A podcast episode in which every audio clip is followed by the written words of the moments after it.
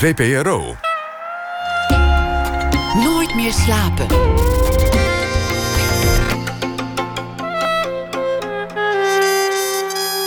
Met Pieter van der Wielen. Goedenacht en welkom bij Nooit meer slapen. Na één uur komt Peter Reumer op bezoek. Hij is schrijver, regisseur en acteur en heeft samen met zijn vrouw Annette Hok een boek geschreven. Een spannend boek en de titel is En nu ik. We gaan op zoek naar het eh, grote groepsgevoel van literair tijdschrift De Gids.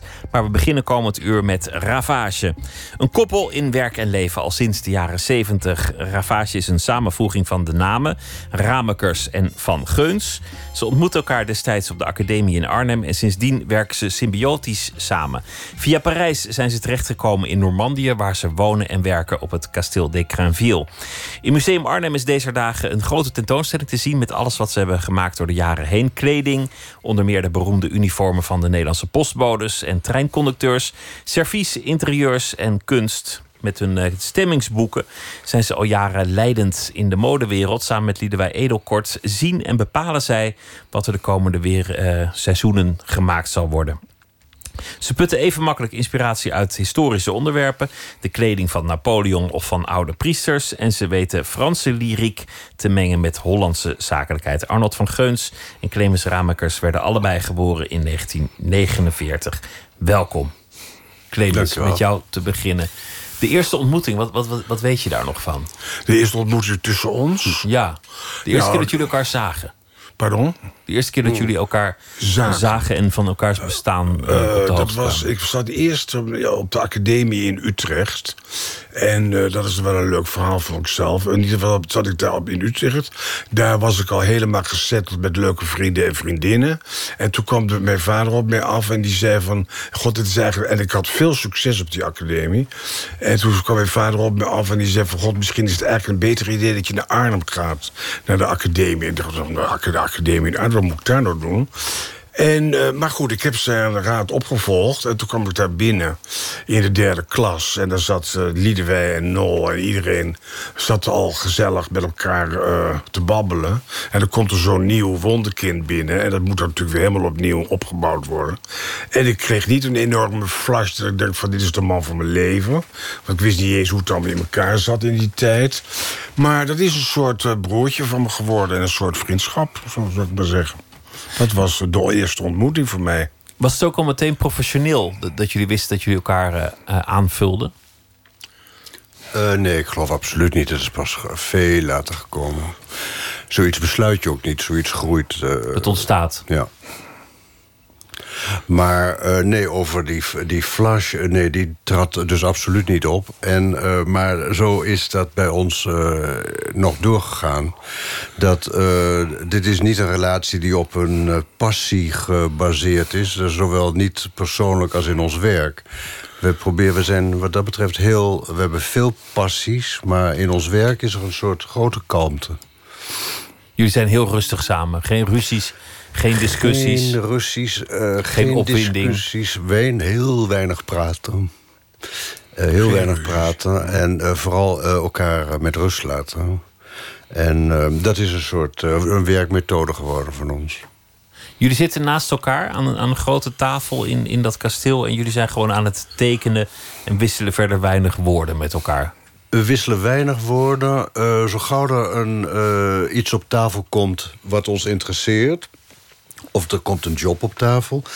dan uh, bespreken we niet af wie wat gaat doen. Of hoe zullen we dat eens aanpakken. Of we, dat is, we laten dat liggen, we draaien er omheen... en automatisch kruipt zo'n zo'n project naar een van ons twee toe. En omdat we weten dat er geen twee niet twee kapiteins op een schip kunnen zitten... wordt automatisch de een de assistent van de ander. En uh, dat gaat heel goed, omdat daar nooit een beslissing over genomen wordt. Dat gaat helemaal organisch. Het gaat vanzelf, ja, dat proces. Absoluut. Jullie werken worden allemaal ondertekend... als het iets is dat ondertekend wordt met, met ravage. Eigenlijk zijn jullie als één kunstenaar. Er, er, is bijna geen individu meer in jullie werk te onderscheiden. Nee, dat is ook een, dat is een comfort. Dat is uh, heel prettig. Want het is uh, heel lekker om je achter zo'n logo, zou ik maar zeggen... of zo'n grief, uh, daar kun je een beetje achter verschuilen. Je staat minder uh, direct voor je publiek dan onder je eigen naam. Dus het is eh, een soort filter die, er, die ervoor geschoven wordt. Zodat wij eh, praten over het algemeen ook niet over wie wat doet achter de, dat eh, idee ravage. Dat gaan jullie ook niet vertellen. De, Dit was van mij of dit was van hem. goede, Of... de goede kijker eh, komt daar vanzelf wel achter hoor. Dat is iets, niet een groot geheim. Maar we, we hebben ook altijd het gevoel dat eh, je begint na eh, 40 jaar samenwerking ook niet een plotselinge solo carrière. Dus dat is. eh, eh, ik vind het heel prettig. Hè? Jij vindt het waarschijnlijk ook heel prettig om achter dat. Nou, bij de ouderdom gaat het natuurlijk allemaal wat anders. Maar het is wel zo. Wat ik wel interessant vond. Wij leren elkaar op de academie leren, eh, leren elkaar op de academie kennen. En dan ben je natuurlijk toch nog bezig om je te vormen. Dus er is nog een soort persoonlijkheid die nog wat wazig is. En het feit dat je dat samen bundelt, wordt het toch wel één persoon. En er is heel veel in de krant ook altijd gezegd... eh création à quatre mains, wat is één persoon met vier handen. Wordt veel gebruikt en dat is ook eigenlijk nog steeds hetzelfde. Want het is heel raar dat wij elkaar zo goed kennen... en we praten Noord. Dat is een soort telepathie, zal ik maar zeggen. Dus als wij... Ik zie hier toevallig een kleur lichtblauw... en ik weet zeker dat hij die lichtblauw kleur over een kwartier... die kleur ook ziet. Ik noem maar een zijstraat op. Dus die dingen gaan allemaal automatisch. Dus je hebt het helemaal niet nodig om met elkaar dingen uit te leggen. Zo. Dus het is één persoonlijkheid. Maar in die, in, of één persoon die creëert. En daarom is die naam ook lekker. Maar tuurlijk zitten daar twee verschillende eh, types in. Ik ben modern en hij is eh, retrograde. Rest, ja. Nou, maar dat is... eh, nee, dus dat is, dat is wel prettig. Dus het is prettig om gewoon een soort...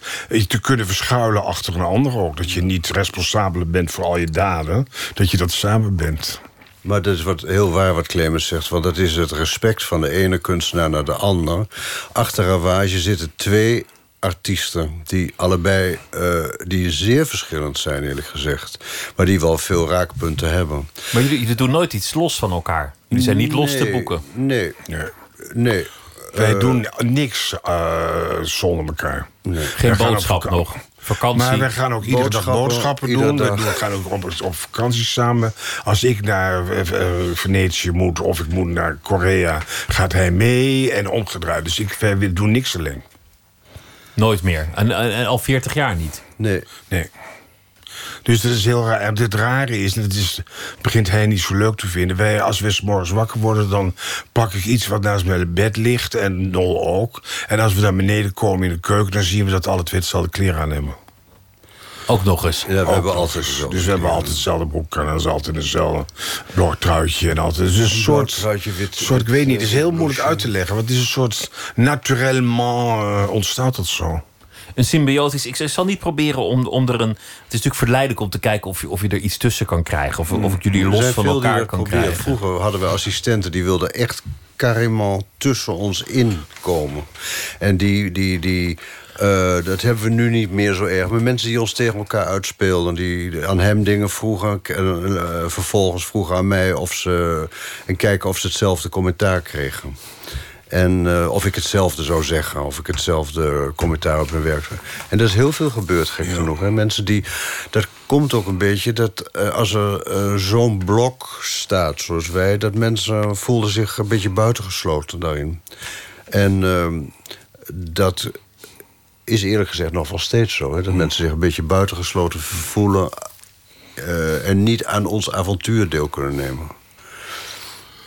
Dat maakt mensen een beetje zenuwachtig vaak. Ja, misschien is, dat, ja, misschien is het ook journalistiek interessant om te kijken of ik, of ik jullie eh, tegen elkaar kan opzetten. Maar Ja, dat dat ga ik dus dat ga ik interessant niet doen. No, try it. Nee, ja, volgens Het mij. heeft geen zin hoor.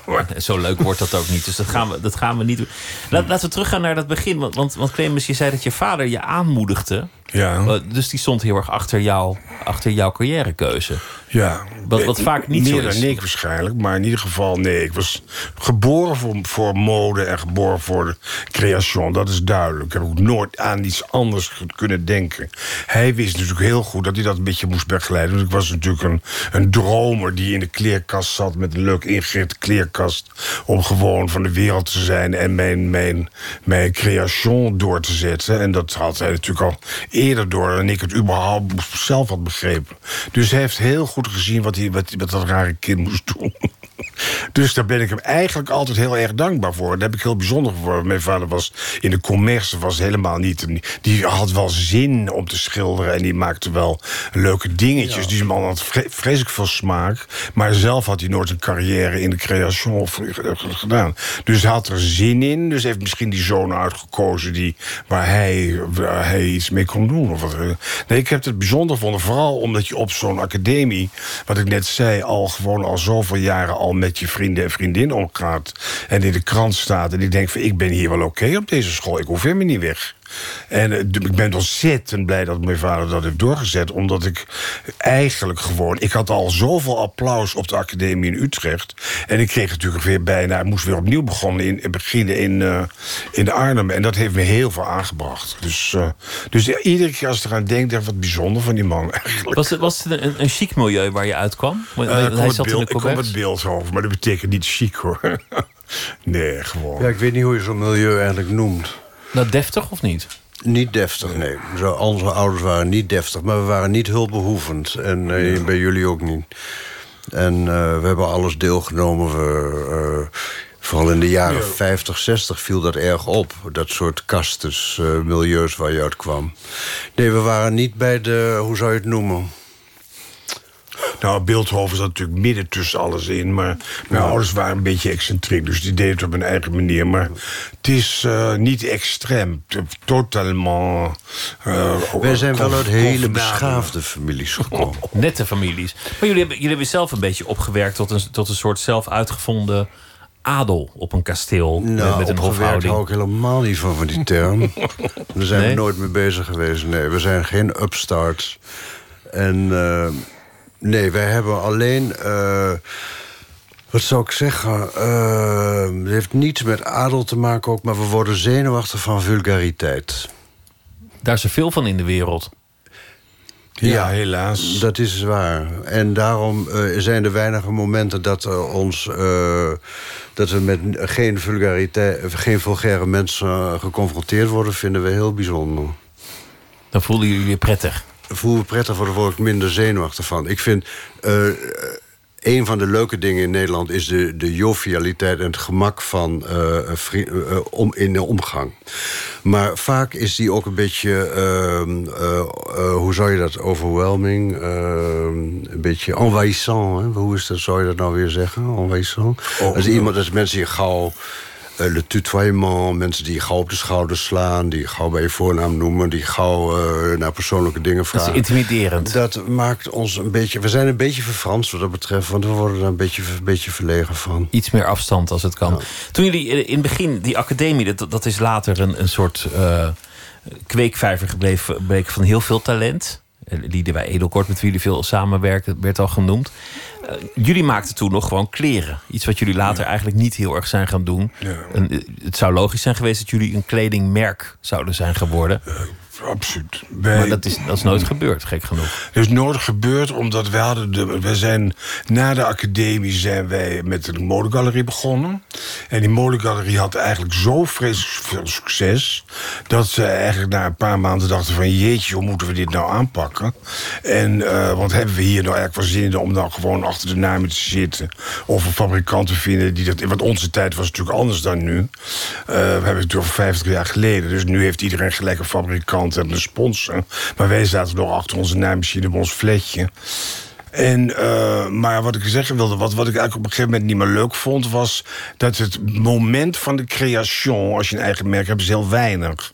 Want het enige wat op een gegeven moment moet gebeuren, is met de bank praten, de knopen inkopen enzovoort. Dus die periode van creation vond ik te weinig. Dus ik wilde veel meer doen dan alleen maar één merk. En we hadden de galerie in Arnhem en dat had succes. En de bijenkorf kwam en die zei van, willen jullie al corners bij ons in alle bijenkorven? Het kreeg een soort schrikbui, want ik dacht en nu is de carrière begonnen.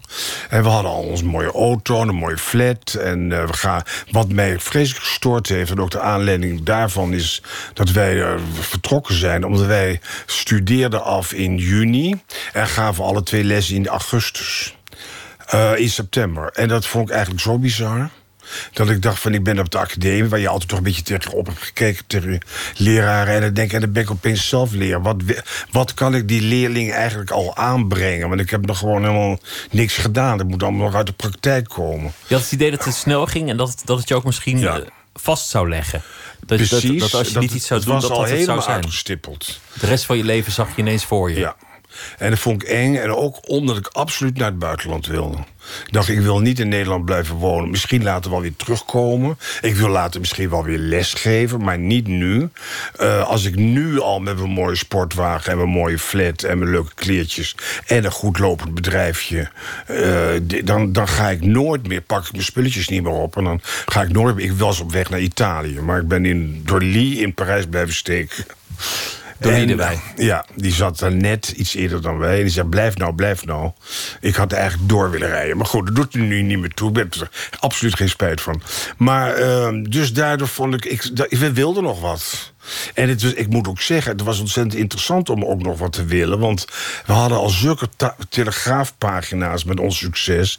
En toen wij in Frankrijk aankwamen, begon natuurlijk de bohème.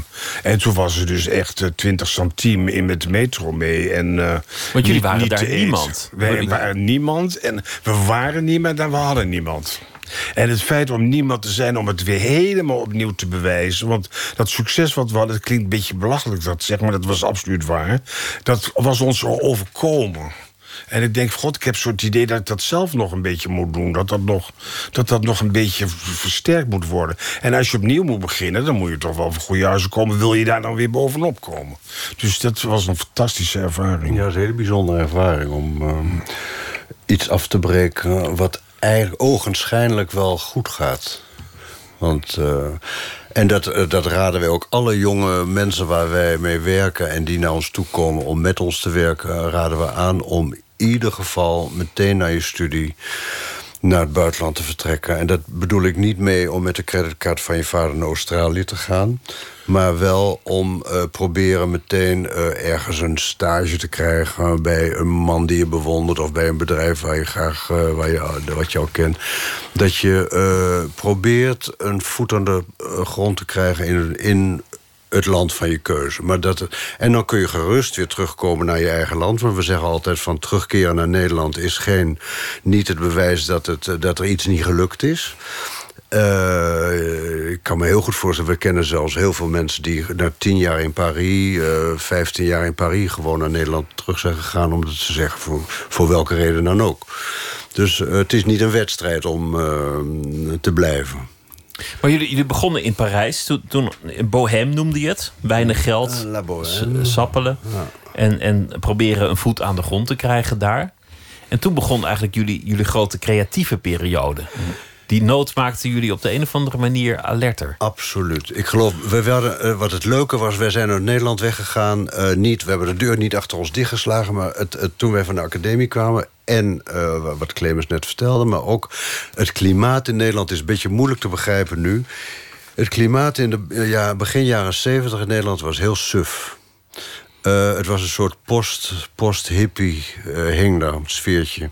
En wij waren dynamieke eh, jonge jongens... en wij hadden ontzettend zin om te werken. En dat werd al gauw gezien als... oh, jullie gaan voor het geld... Eh, eh, iedere, leuke, iedere jonge jongen heeft zin om een leuke auto te rijden. Dus wij hadden natuurlijk ook best een leuke auto.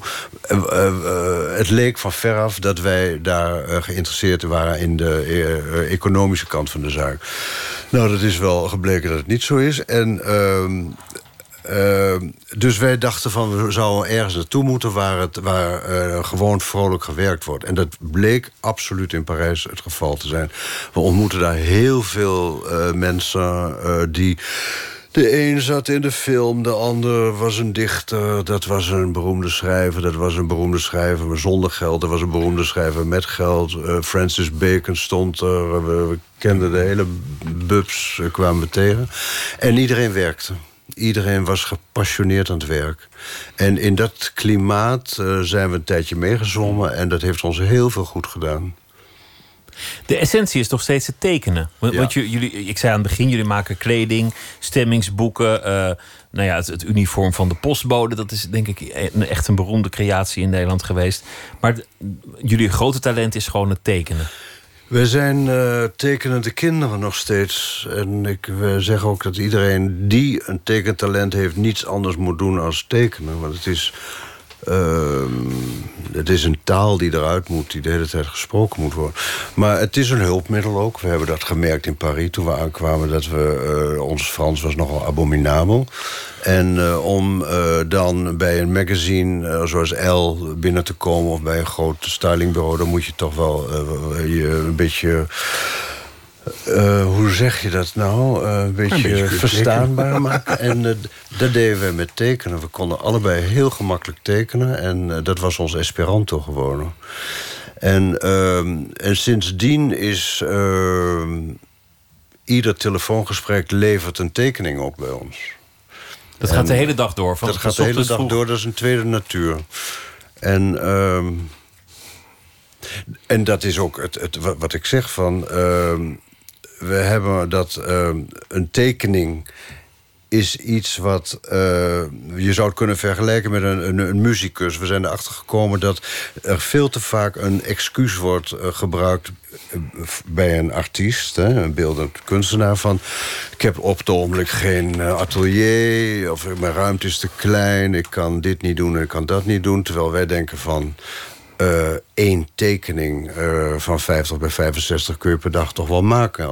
Of je wel een atelier hebt of niet. Of uh, al doe je het op een, een kladblok of een schetsblok. Je kunt, er hoeft eigenlijk geen obstakel te zijn om iedere dag te, te scoren, te, te creëren.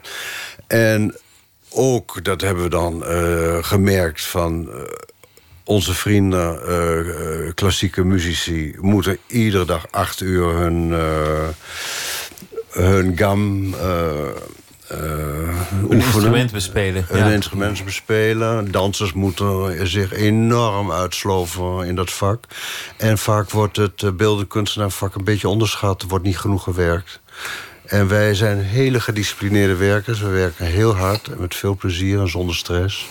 Maar uh, dat fysieke, die fysieke kant van het tekenen... dat, dat uh, hebben wij heel erg gemerkt. Dat het net zoals het, het viool spelen, als het zingen... is het tekenen ook een fysieke affaire. Vandaar ook dat wij staand tekenen. Uh, tegen de muur, dat onze armen en benen vrij zijn... en dat, het, dat we niet met een vulpotloodje op de punt van de tafel zitten krassen.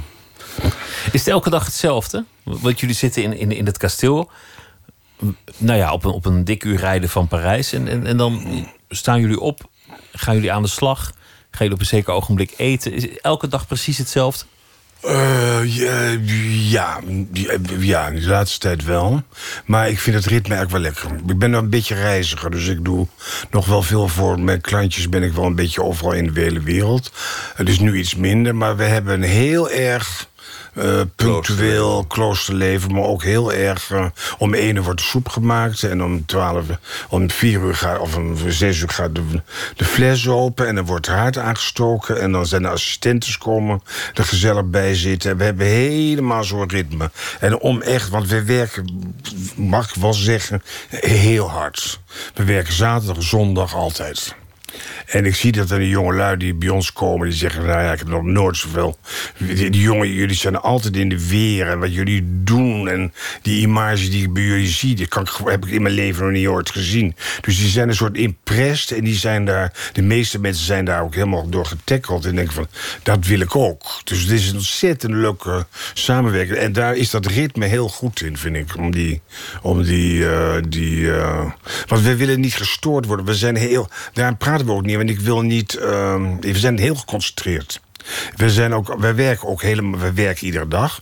We beginnen om tien uur en ik ben om zeven uur doodmoe. En dan vind ik het ook genoeg. Maar dat komt omdat ik gewoon mijn adem bijna niet heb. Ik werk niet zo fysiek als maar ik hou mijn adem altijd in. Dan, uh, dan ben ik helemaal op, heb ik het gehad omdat ik vreselijk heb gegeven. Alles echt gedaan. Dus dat vind ik prettig en dat vind ik, uh, ja, That's. Zo werkt het. We gaan uh, luisteren naar de Elman Brothers. Omdat uh, afgelopen week einde Greg Elman, een van die uh, broeders, overleed. En we draaien een van de eerste nummers die hij ooit schreef. Melissa.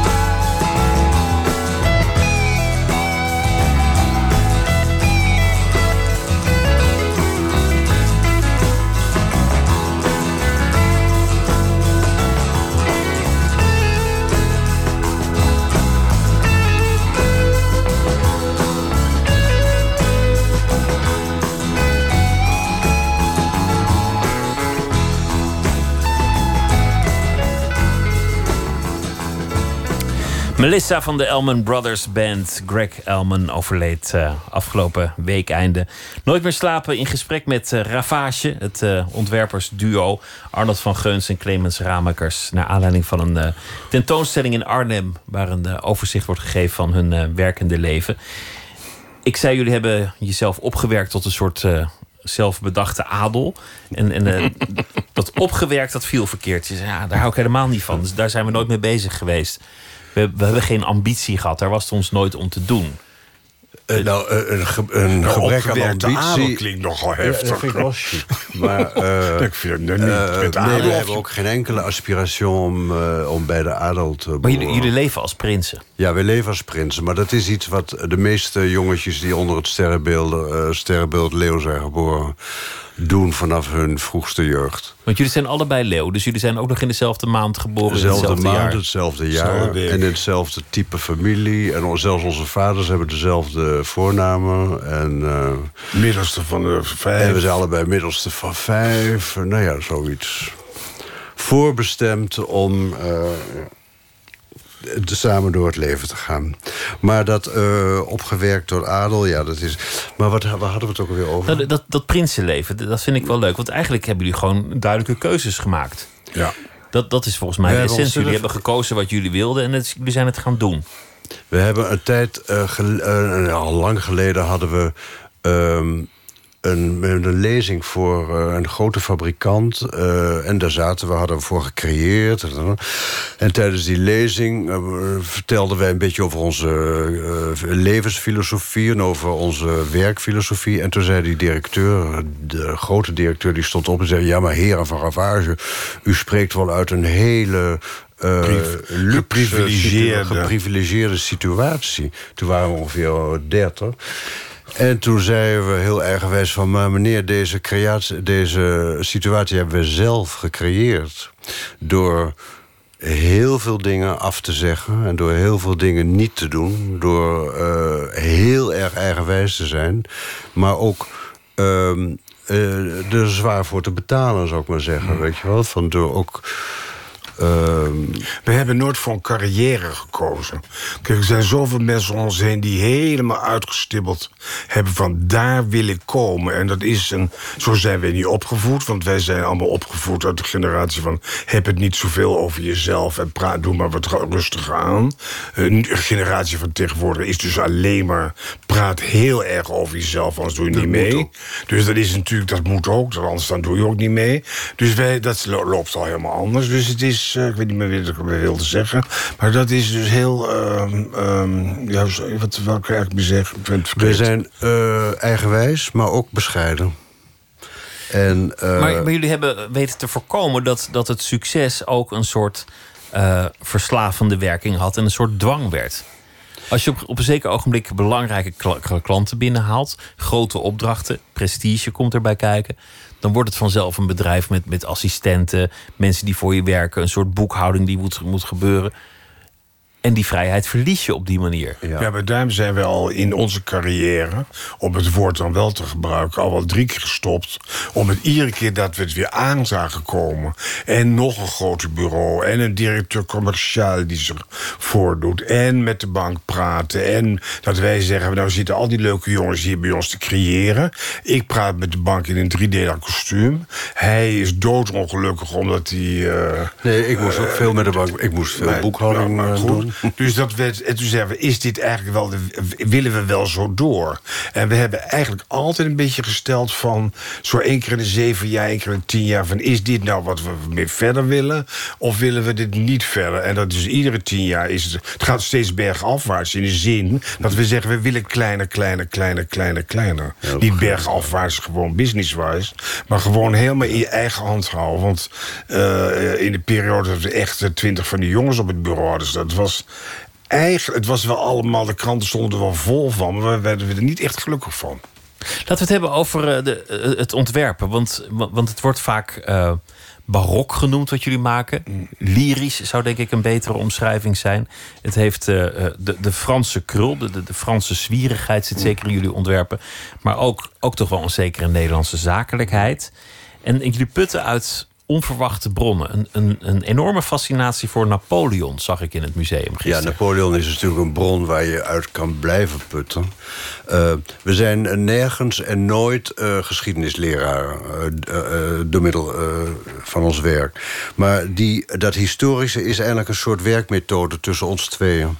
Je zou het moeten zien als twee batterijen, twee creatieve batterijen... waar een soort stroom tot stand gebracht moet worden.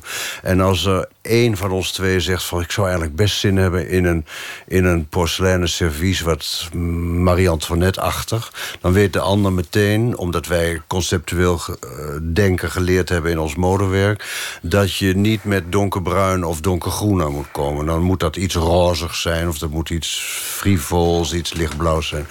En datzelfde als we zeggen, ik zou wel iets Jeanne d'Arc's willen... dan weet je dat je niet met lichtroze aan moet komen. Dus uh, daarom zijn die, die, die, deze historische personen is eigenlijk een soort werkmethode tussen ons om een, een stroom gaande te houden. Maar er zijn natuurlijk en we proberen al temps dat als het uh, product klaar is... dan hoeft het voor ons niet meer op Marie-Antoinette of op Jeanne d'Arc te lijken. Het is een vertrekpunt en, en daarna laat je het ook weer los. Maar Napoleon is natuurlijk ook een soort Shakespeareaans drama. Een familiedrama waar je eindeloos uit kan putten. En... Uh, wat, uh, en dan is natuurlijk een fascinering voor deze persoon... en voor zijn broer, en voor zijn andere broer, en voor zijn moeder. En, uh, zijn zusje en zijn minnares. Ja, zijn zusjes, daar kun je heel eind mee uit de voeten. Jullie, jullie maken vaak, net, net als, als uh, wij een soort, soort moodboard... een soort boeken van sferen, kleuren, vormen... die jullie aanreiken aan de mode-industrie... En, en die veel gebruikt worden om zich te oriënteren op de nieuwe seizoenen. Hoe voelen hmm. jullie dat aan, wat, wat, wat, wat de nieuwe kleur blauw wordt? Nou, dit is ontzettend moeilijk uit te leggen, want het zit gewoon puur vanaf de geboorte al in je, heb ik de indruk. Dus ik vind het ontzettend moeilijk om dat te analyseren. En, maar goed, die begint ermee. En door de jaren heen wordt het natuurlijk versterkt en versterkt en versterkt. Dus je bent aan het, alles wat je om je heen ziet, analyseer je, probeert te, ver, verber, ver, ver, te, te, vertalen. te vertalen enzovoort. Dus het is, en je ziet eigenlijk door de, de getrainde manier. Je hebt natuurlijk de antenne goed staan. Dus je ziet natuurlijk door die getrainde manier wat een klein treintje zou kunnen worden wat een hele grote move is. Maar waar ga je dan naartoe? Waar, waar, zit je dan te kijken? Uh, nou, ik moet je heel eerlijk, mag ik het eigenlijk niet zeggen, ga ik nergens meer naartoe. Gewoon niet? Want ik, uh, nee, want ik heb het idee dat ik het gewoon precies weet waar het erover gaat. Maar het klinkt natuurlijk belachelijk. Maar dat gevoel heb ik. Maar normaal, in zo'n geval, ga je natuurlijk alle exposities af van alle films en alle boeken en alle dingen om je te informeren. Maar het is zo complex geworden dat ik helemaal geen zin, is om, geen, geen zin heb om, om daar zo hysterisch over te worden. Maar je, geloof, je zou gewoon je, vanuit je kasteel, terwijl je, terwijl je daar. Uh, de geit uitlaat? Want jullie hebben een geit als huisdier. De geit is ja. dood. Oh, de geit is dood. Okay. Ja, die heeft ja. een grote prachtige tekening gekregen tijdens de expositie als hommage, maar. Maar goed, die kunnen goed we hebben het niet weer tegen maar gooien. Maar goed, maar, maar, maar, kijkend naar de geit kun je al, al zien wat de, de trend wordt. Nee, ik ga Daarvoor hoef je niet ergens heen. Maar uh, het is wel ja en nee. Want ik bedoel, als ik naar Parijs ga, daar, ik heb natuurlijk mijn appartement in Parijs ook. Ik zeg altijd ik, want dat is een beetje mijn appartement. En dan stap ik in de metro om naar mijn huisje te gaan. En dan ga ik s'avonds uit. En dan heb ik al in, in een uurtijd gezien wat er aan de hand is. En wat er gebeurt. En wat er leeft tussen de jongelui. En wat ze willen en wat ze niet willen. En, uh, en dan kun je natuurlijk verder in gaan. Maar ik vind, dit is voor mij al genoeg. En natuurlijk ga je naar Venetië, naar de Biennale. En natuurlijk ga je naar de... Dus dat soort dingen doe je wel. Die haalt het natuurlijk uit de art en dat soort dingen. Maar het is niet meer zo... Ik ken heel veel stylisten en mensen om ons heen... die denken dat iedere fase die wordt gecreëerd... dat je die moet zien, anders weet je niet meer waar het over gaat. Nou, dat heb ik helemaal niet. Nee, je, je kunt namelijk uh... bij alles wat er nu gecreëerd wordt... kun je drie, vier grote highlights inzetten. En het is een soort gemiddelde geworden... waar je na één zaterdagmiddag al helemaal uit weet hoe het in elkaar zit. Tenminste, dat vind ik, omdat dat gewoon... omdat ik daar de hele dag mee bezig ben. Maar hoe word je daarin uh, invloedrijk? Hoe komt het dat mensen je weten te vinden... en op een zeker ogenblik steeds naar jullie gaan kijken... voor, voor wat ze willen ontwerpen? Dat is meer dat is uh, het talent van Lee Edelkoort ook. Ja, Lee is natuurlijk de promotor achter het bureau van Trend Union. Ik heb gewoon mijn eigen klant op mijn eigen manier. Waar ook natuurlijk mijn eigen, de, de eigen mensen op afkomen. Maar voor Trend Union is Lee natuurlijk de, de promotor... en die door de hele wereld de lezingen geeft, enzovoort, enzovoort. En dan lopen wij eigenlijk bijna een beetje achteraan. Niet zozeer met hetgene wat wij te vertellen hebben... want het is 100% mijn privé... Ik werk niet met Lies samen. Je zou eigenlijk Trend Union bijna kunnen zeggen... in ons geval dat het onze, onze editeur is. Ik maak mijn boek zelf. Helemaal alleen op een zolderkamertje. Met af en toe natuurlijk een stagiair of een assistent. En voor de rest gaat het dan in de, onder de hoed van Lie gaat het mee. Dus maar zij, zij, is heel beroemd. Zij is een enorme ja. naam. En jullie, jullie zijn eigenlijk wat meer in de schaduw. In ja, ja wij zijn zeer in de schaduw. Maar uh, Lee, uh, dat wisten wij al toen wij bij haar in de klas zaten... dat ze heel beroemd zou worden. Dus het is een heel bijzondere vrouw.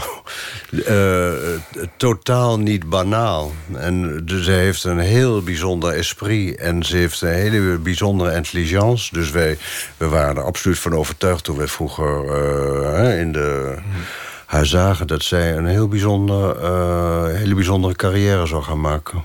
Maar jullie hebben nooit geambieerd om, om op een podium te staan of in de lamp te staan? Ik heb dat nooit van mijn leven gewoon. Als wij een grote carrière willen maken, hadden wij ook niet eens meer bij elkaar Ik heb gebleven. een totaal gebrek aan ambitie. Het enige wat ik wil, mijn enige ambitie is dat ik met rust gelaten word... en dat ik in mijn, in, op mijn cloud, zoals ze dat vroeger zeiden, uh, kan blijven werken. En uh, te veel aandacht maakt me heel erg zenuwachtig. De, de gewone kunst zijn jullie ook nooit uit het oog verloren. Je, er hangen in Arnhem ook heel veel, heel veel dingen die niet zozeer een ontwerp zijn met een functie als een servies of iets.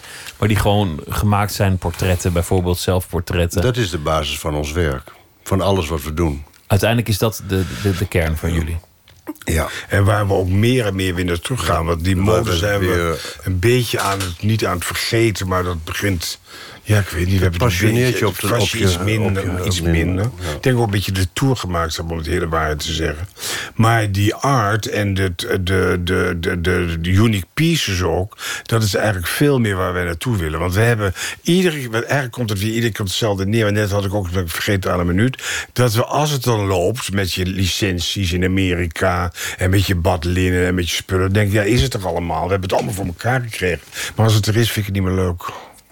En dat is weer hetzelfde dat, je- dat je het weer afbreekt. Dus wij breken altijd alles. Het is natuurlijk ontzettend stom. Maar het is, wij breken altijd alles af en denken... wij vinden het ontzettend uitdaging om al die dingen te doen.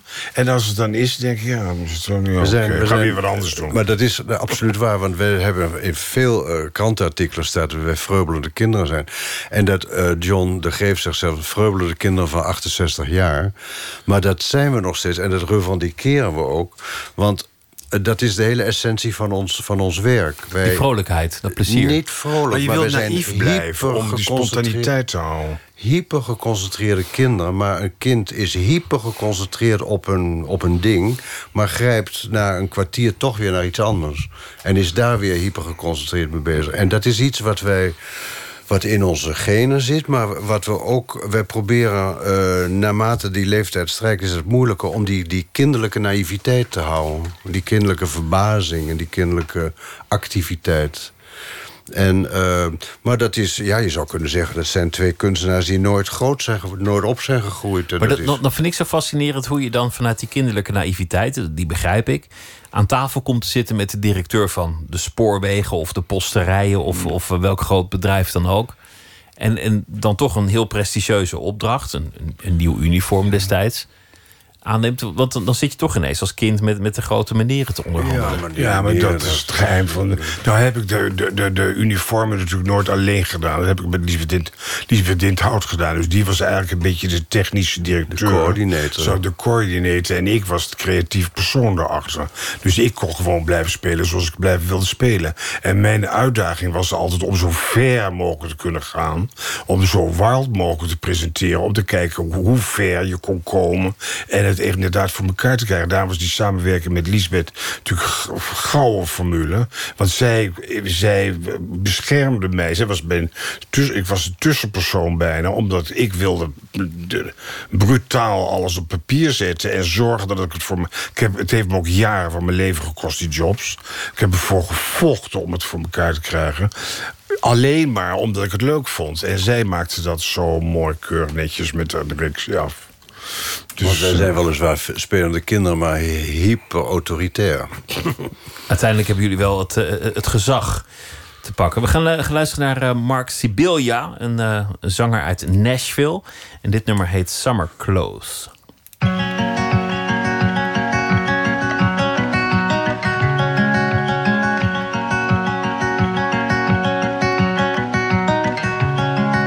I found your summer clothes closet yesterday. I can give them all away unless you wear them. My memory ain't the best. One more time, what's your address? They should get there by the end of this week or the next. I'd been thinking about you. Funny how that goes. Looking for my winter jacket. I found your summer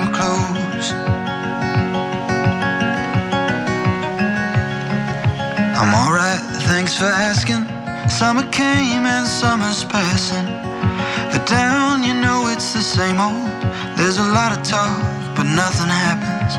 They built a new casino, and they call it Little Reno. But the blinking signs got a busted light. Says welcome to Eno. I always think about you, especially when it snows. I see you there, your sunlit hair, wearing summer clothes. And do you think you'll ever make it back to town? I don't like the weather either. but There's a lot of good folks love seeing you around. And I'll hang on to a pair of your sneakers, maybe a couple t-shirts. You know we see the sun for one or two months. Found your summer clothes in a closet yesterday. But I really called to say hello.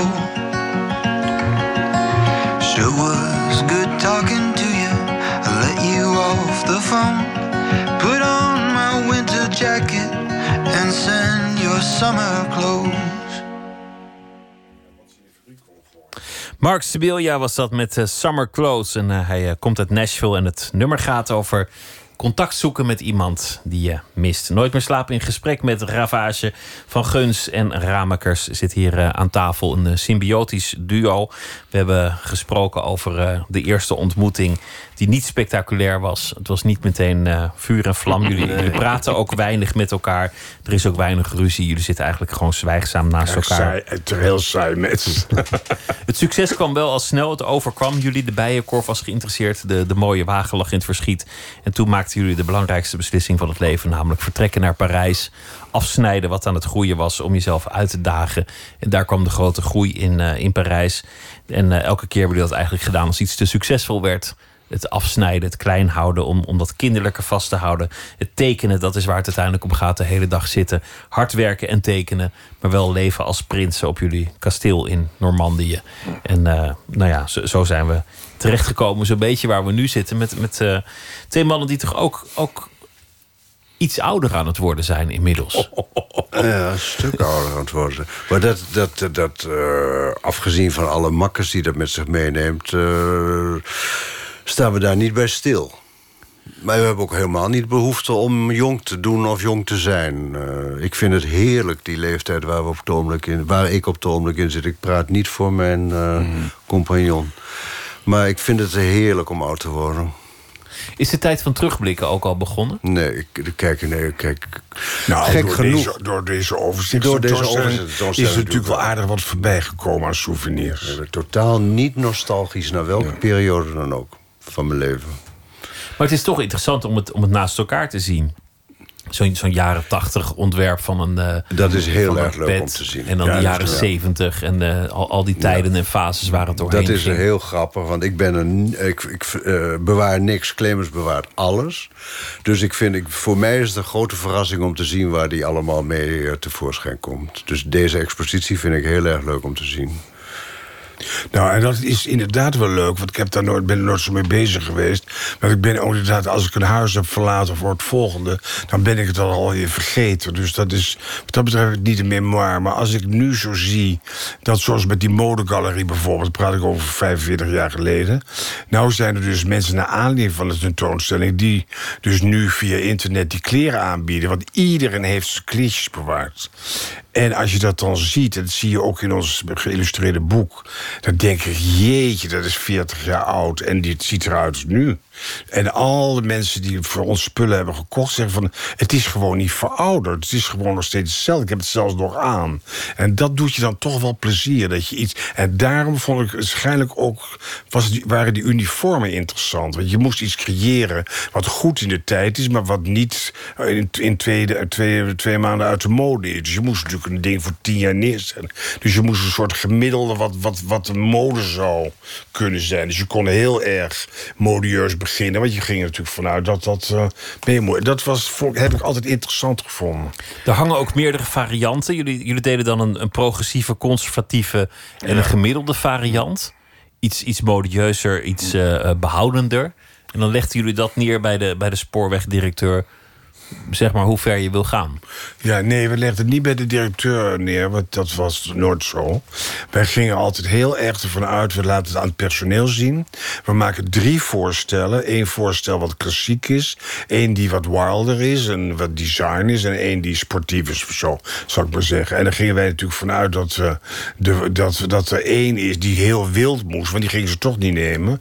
En die andere was een beetje het gemiddelde. En dus hetgene wat je vanuit ging dat die het ging ging worden, werd het ook altijd. Het was ook elke een beetje opgestuurd. Nu zie je op de, op de, eh, op de, ehm, de tentoonstelling een filmpje over de presentatie 25 jaar geleden van het, van het uniform van de PTT.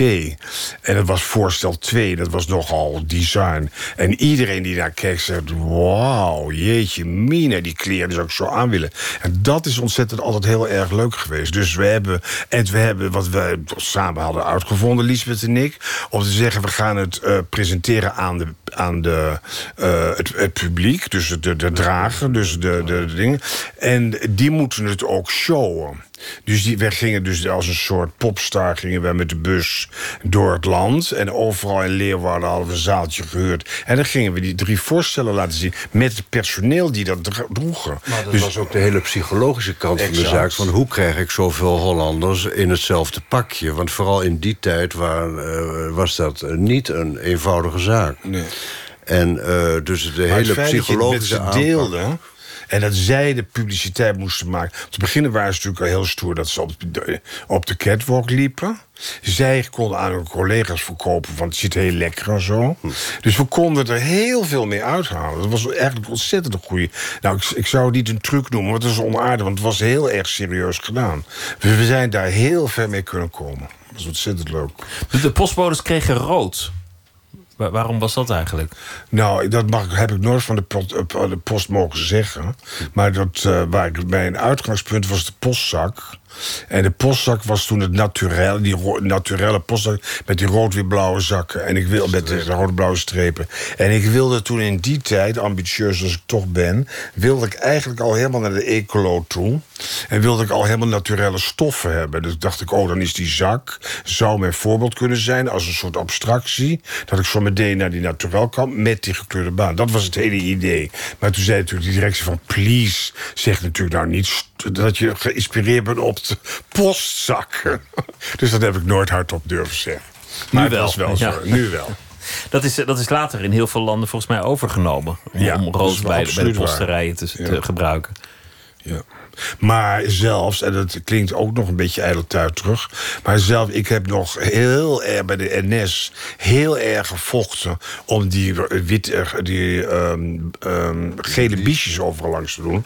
Nou, er was natuurlijk een enorme opstand. En die zei, dat wordt vuil, dat is niks, noem maar, maar op. Dus dat is geel en rood voor een andere discipline... en een, een ander blauw voor een andere discipline. Nu zie ik in de hele wereld, 45 jaar later, ongeveer 40 jaar later... dat Ieder uniform heeft een rood biesje. Ieder uniform nog steeds. Terwijl ik toen daar, ik ben op bijna op een gegeven moment met een, een meneer van de NS uit de trein gesprongen. Omdat ik daar zo ruzie mee kreeg. Dat ik dat, dat, die wilde dat niet door laten gaan. En als ik dan nu iedere keer weer overal in de wereld, of nou een stewardess weet ik veel, dat rode biesje, denk van nou, dat is toch leuk dat het voor mij komt. Jullie, uh, jullie kasteel is ook uh, prachtig ingericht. Althans, dat, dat, dat meen ik te zien op de, op de foto's die her en der uh, gepubliceerd zijn. Is, is dat voor jullie ook een, een soort opdracht voor jezelf geweest om, om, dat, om dat kasteel mooi te maken? Bijna als een kunstwerk. Een, een, een, een, werkstuk. Wij zijn kunstenaars die graag omringd zijn door ons eigen werk. Er zijn ook kunstenaars die helemaal niet omringd van zijn... en die worden er zenuwachtig van. Uh, wij vinden het heerlijk. Want het uh, maken van je werk het, uh, en uiteindelijk er naar kijken als, als het klaar is... is een totaal andere affaire. En wij kunnen met grootste plezier naar ons eigen werk blijven kijken. We zijn fan nummer één van ons eigen werk. Dus ook helemaal omringd door jullie eigen tekeningen, creaties, serviezen. Ja, we hebben, en we hebben eh, best heel veel uh, werken van bevriende kunstenaars. En we hebben best leuke dingen uh, ooit uh, verzameld. Maar meer en meer zijn die uit ons interieur gesleten. en ons eigen werk heeft dat, die plaats ingenomen. Nou, het is een beetje. Want we hebben op een gegeven moment dubbelportretten verzameld van bevriende kunstenaars. Natuurlijk een beetje zo je omgeving, dat groeit dan uit. En op een gegeven moment was het een beetje een decalage je met je eigen werk. Dus het, plotseling heb je zo'n enorm dubbel portret van jezelf hangen... Uh, tegen een volkomen andere muur die wij aan laten creëren. Dus het is, het is eigenlijk meer dat. Ik heb alles bewaard en ik heb het allemaal keurig opgeslagen. Ik heb zelfs aan gedacht met de tentoonstelling... dat eigenlijk een hoek van te maken om al die... Willem Holtrop en noem maar op, zo ontzettend leuk zijn. Maar ik heb het niet gedaan voor de tentoonstelling. Maar het is wel leuk. Maar we hebben ook altijd... Oh, sorry nog even, want toen we het net ook over hadden... over die prinsen en over die... Toen ik op de academie kwam in, uh, in Arnhem... toen was ik al... toen was ik toch al wild in de zin van... ik begon al met design, wat er nog niet was. Dus ik had mijn hele kamertje rood geverfd. En alles wat er toen al begon te komen... was een rood potlepeltje en een rood dingetje. Kocht alles wat rood was. En ik was volledig als student helemaal gedesigned ingericht. En dat is, ik heb ook altijd van gedekte tafels gehouden. Altijd van goed food. Dus dat is gewoon, zelfs in Parijs zonder één cent... hebben wij altijd gewoon net gedaan of het niks kostte. Dat is voor ons het allerbelangrijkste wat het is. En wie komen er dan langs s'avonds als jullie dat, dat diner serveren? We hebben het huis vol. We, hebben op een gegeven moment zitten 16 jaar op het château nu. En we hebben natuurlijk veel leerlingen ook.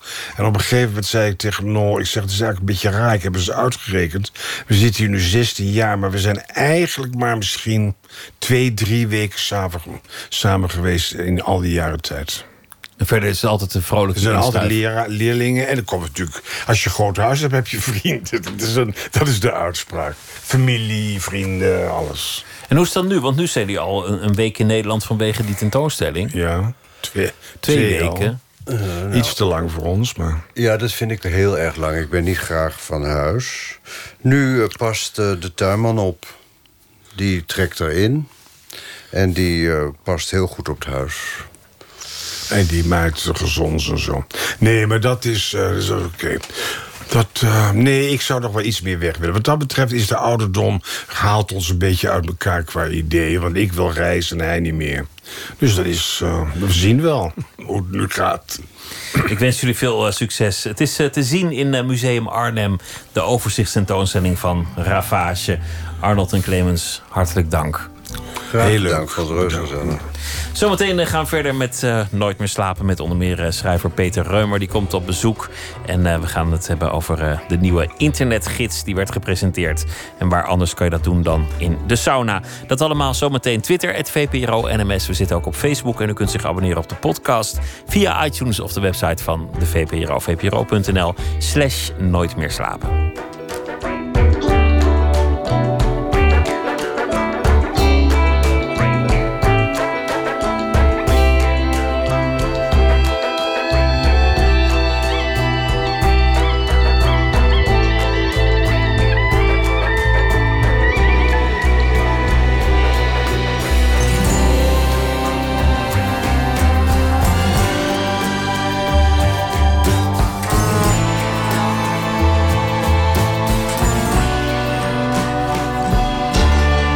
Radio 1.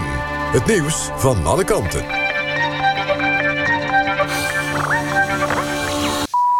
Eén uur, Mariette Krol met het NOS Journaal. Door noodweer in Moskou zijn zeker elf mensen omgekomen. Er waren harde windvlagen, stortregens, hagel en onweer. Vijf voetgangers kwamen om door ontwortelde bomen. Een oudere man die op de bus stond te wachten overleed... nadat hij was geraakt door rondvliegend puin. Volgens meteorologen is het heel bijzonder dat het zo hard waaide in de Russische hoofdstad. De politie in Manchester heeft weer een foto vrijgegeven van de dader van de aanslag van vorige week. Daarop is te zien hoe hij op de dag van de aanslag met een grote blauwe koffer door de straten van Manchester loopt. De politie is op zoek naar de koffer op een vuilnisbelt. Bij de zelfmoordaanslag bij de Manchester Arena kwamen vorige week 22 mensen om het leven, onder wie veel kinderen.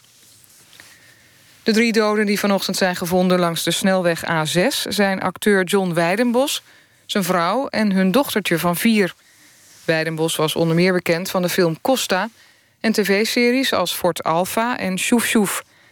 Vanochtend belandde zijn auto tussen Lelystad en Almere in het water.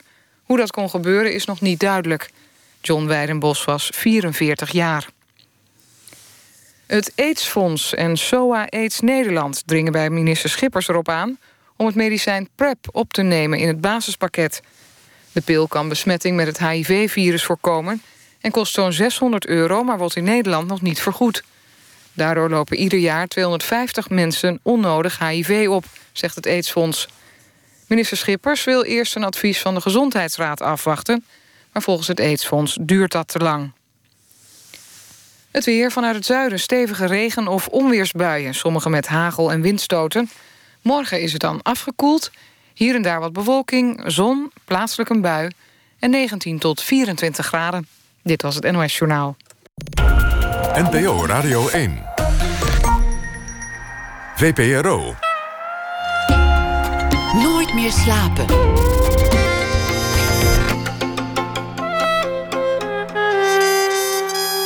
Met Pieter van der Wielen. 26 schrijvers die onderzoeken wat het betekent om ergens bij te horen. En dat werd gepresenteerd in de sauna, de nieuwe internetgids. Onze verslaggever die was erbij met badjas en al. Peter Reumer is schrijver. Hij komt uh, zo meteen uh, hier op bezoek om te praten over het boek En Nu Ik. Dat hij schreef samen met zijn vrouw. En Katelijn Schilder heeft een verhaal bij de afgelopen dag. Maar nu het culturele nieuws.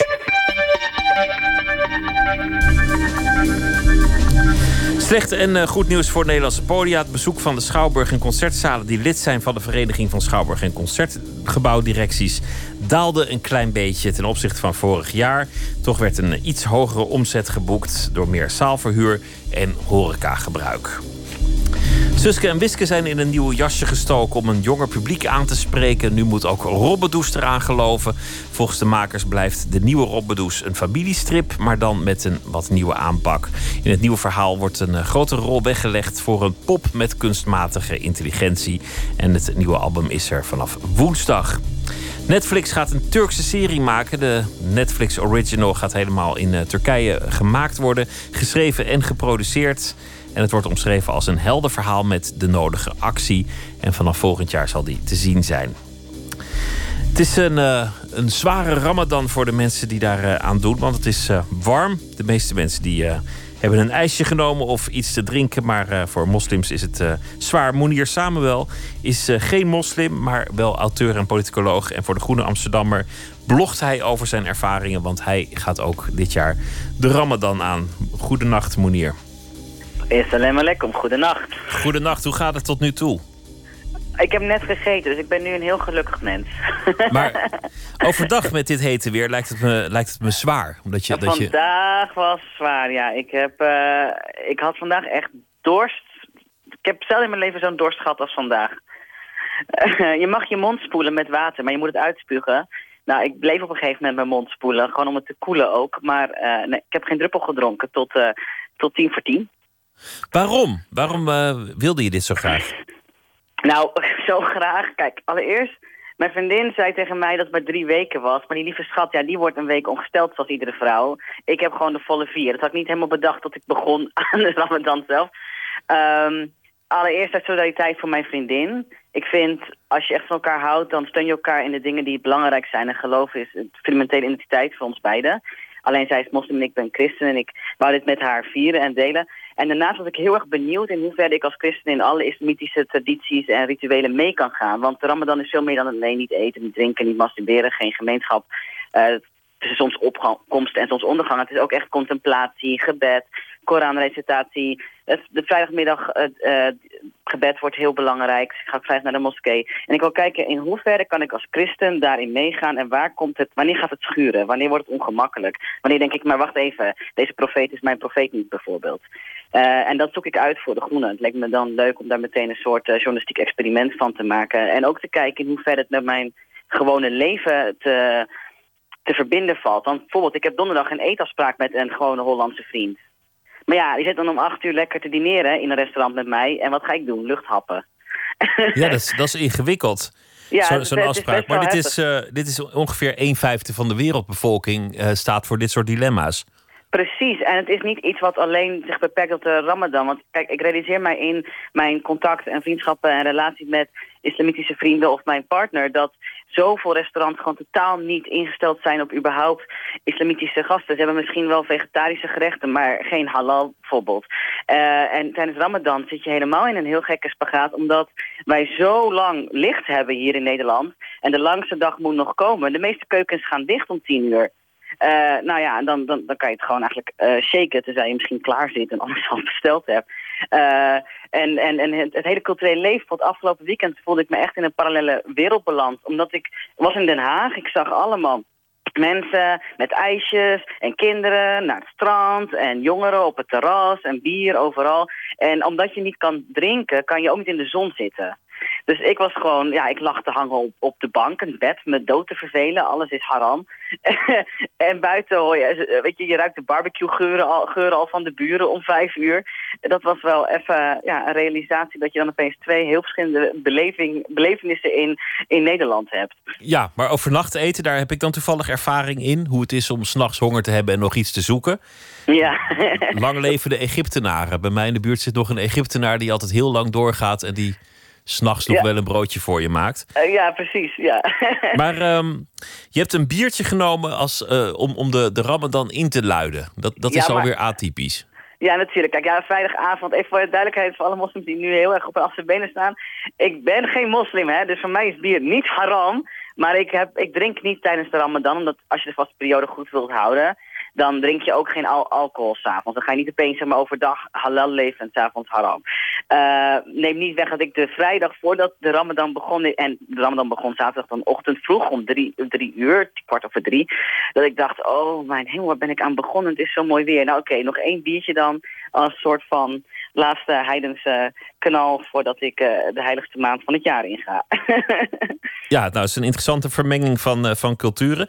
Wat, wat, zijn, uh, wat zijn de reacties tot nu toe? Hoe reageren mensen op, op je experiment? En mensen zijn echt verbijsterd. Ze snappen niet waarom ik het doe. Ze, ze kunnen gewoon niet inkomen. Dan denk ik, jongens, vasten heeft iets, iets heel reinigends, iets heel moois. En ik denk dat dat ieder mens er wat van op kan steken... al zou je één dag meevasten en dat gewoon aangaan.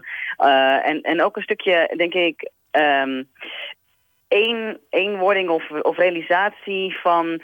Um, toch wat de moslim-Nederlander uh, meemaakt of, of doorgaat in, in zo'n maand, voor zover ze dan vasten, want ook lang niet alle moslims vasten, dus dat is ook grappig. Ik ben nu vromer aan het leven dan veel moslims, omdat ik probeer echt alle regels voor om de ramadan te houden. En dat zijn er een heleboel. Hoe je bidt, wanneer je wast, hoe je je wast, welke kleding je draagt tijdens het gebed.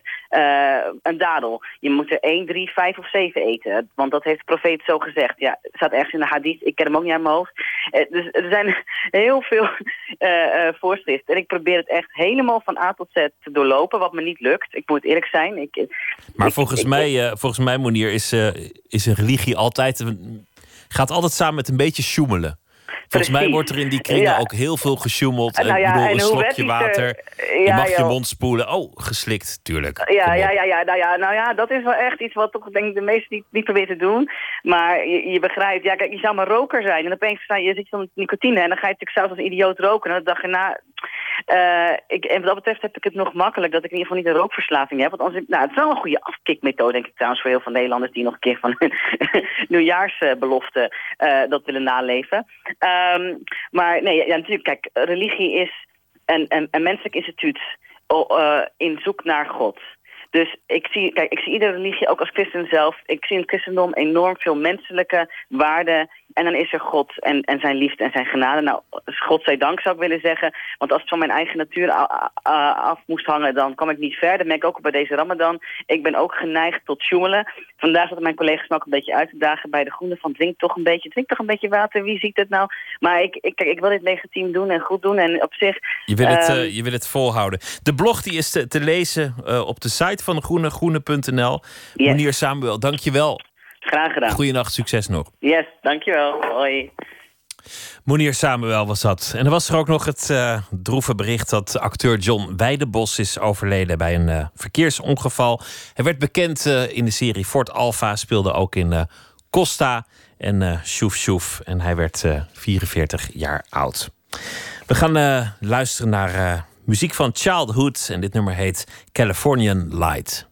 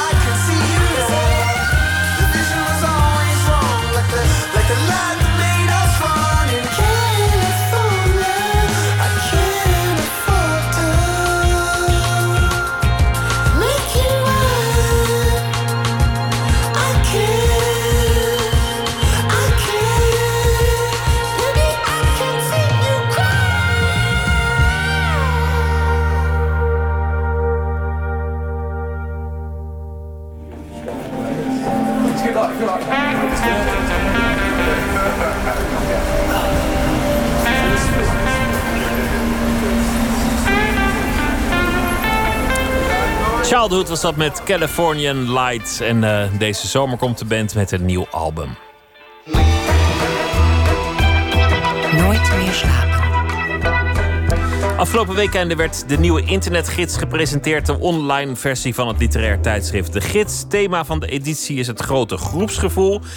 Bijdrage van onder meer Ninja Weijers, Alma Matthijssen, Maurits de Bruin en Erik-Jan Harmens. Het werd gepresenteerd in een sauna. Een thema en locatie waar eh, voldoende aanleiding om Botte Jellema erop af te sturen. welkom allemaal. Kom jullie ook binnen? Het is een warme avond en we zitten met een man of 30, 40 in een soort spiegeltent. Het ruikt er naar houtvuur, de sfeer is amicaal. Je krijgt de indruk dat de meeste mensen elkaar kennen. Ik niet. Ik ben ook niet zo van de groepen en groepsgevoel. Ik weet dus niet of ik het wil, maar ik vraag me af hoe je tot deze groep kan toetreden. Welkom eh, eh, vandaag op deze fantastische vrijdag. Welkom bij de Sauna Caravan. We luisteren straks naar een aantal van de verhalen die zijn geschreven voor de internetgids. Willem Sjoerd van Vliet opent de avond en vertelt dat ze op het thema het grote groepsgevoel zijn gekomen tijdens een bijeenkomst van de We gids. zaten er op de tribune en we luisterden naar onze hoofdredacteur. Die wilde een clubgevoel. Dat wij clubgevoel krijgen bij de gids en dat alle mensen daarbij willen aansluiten.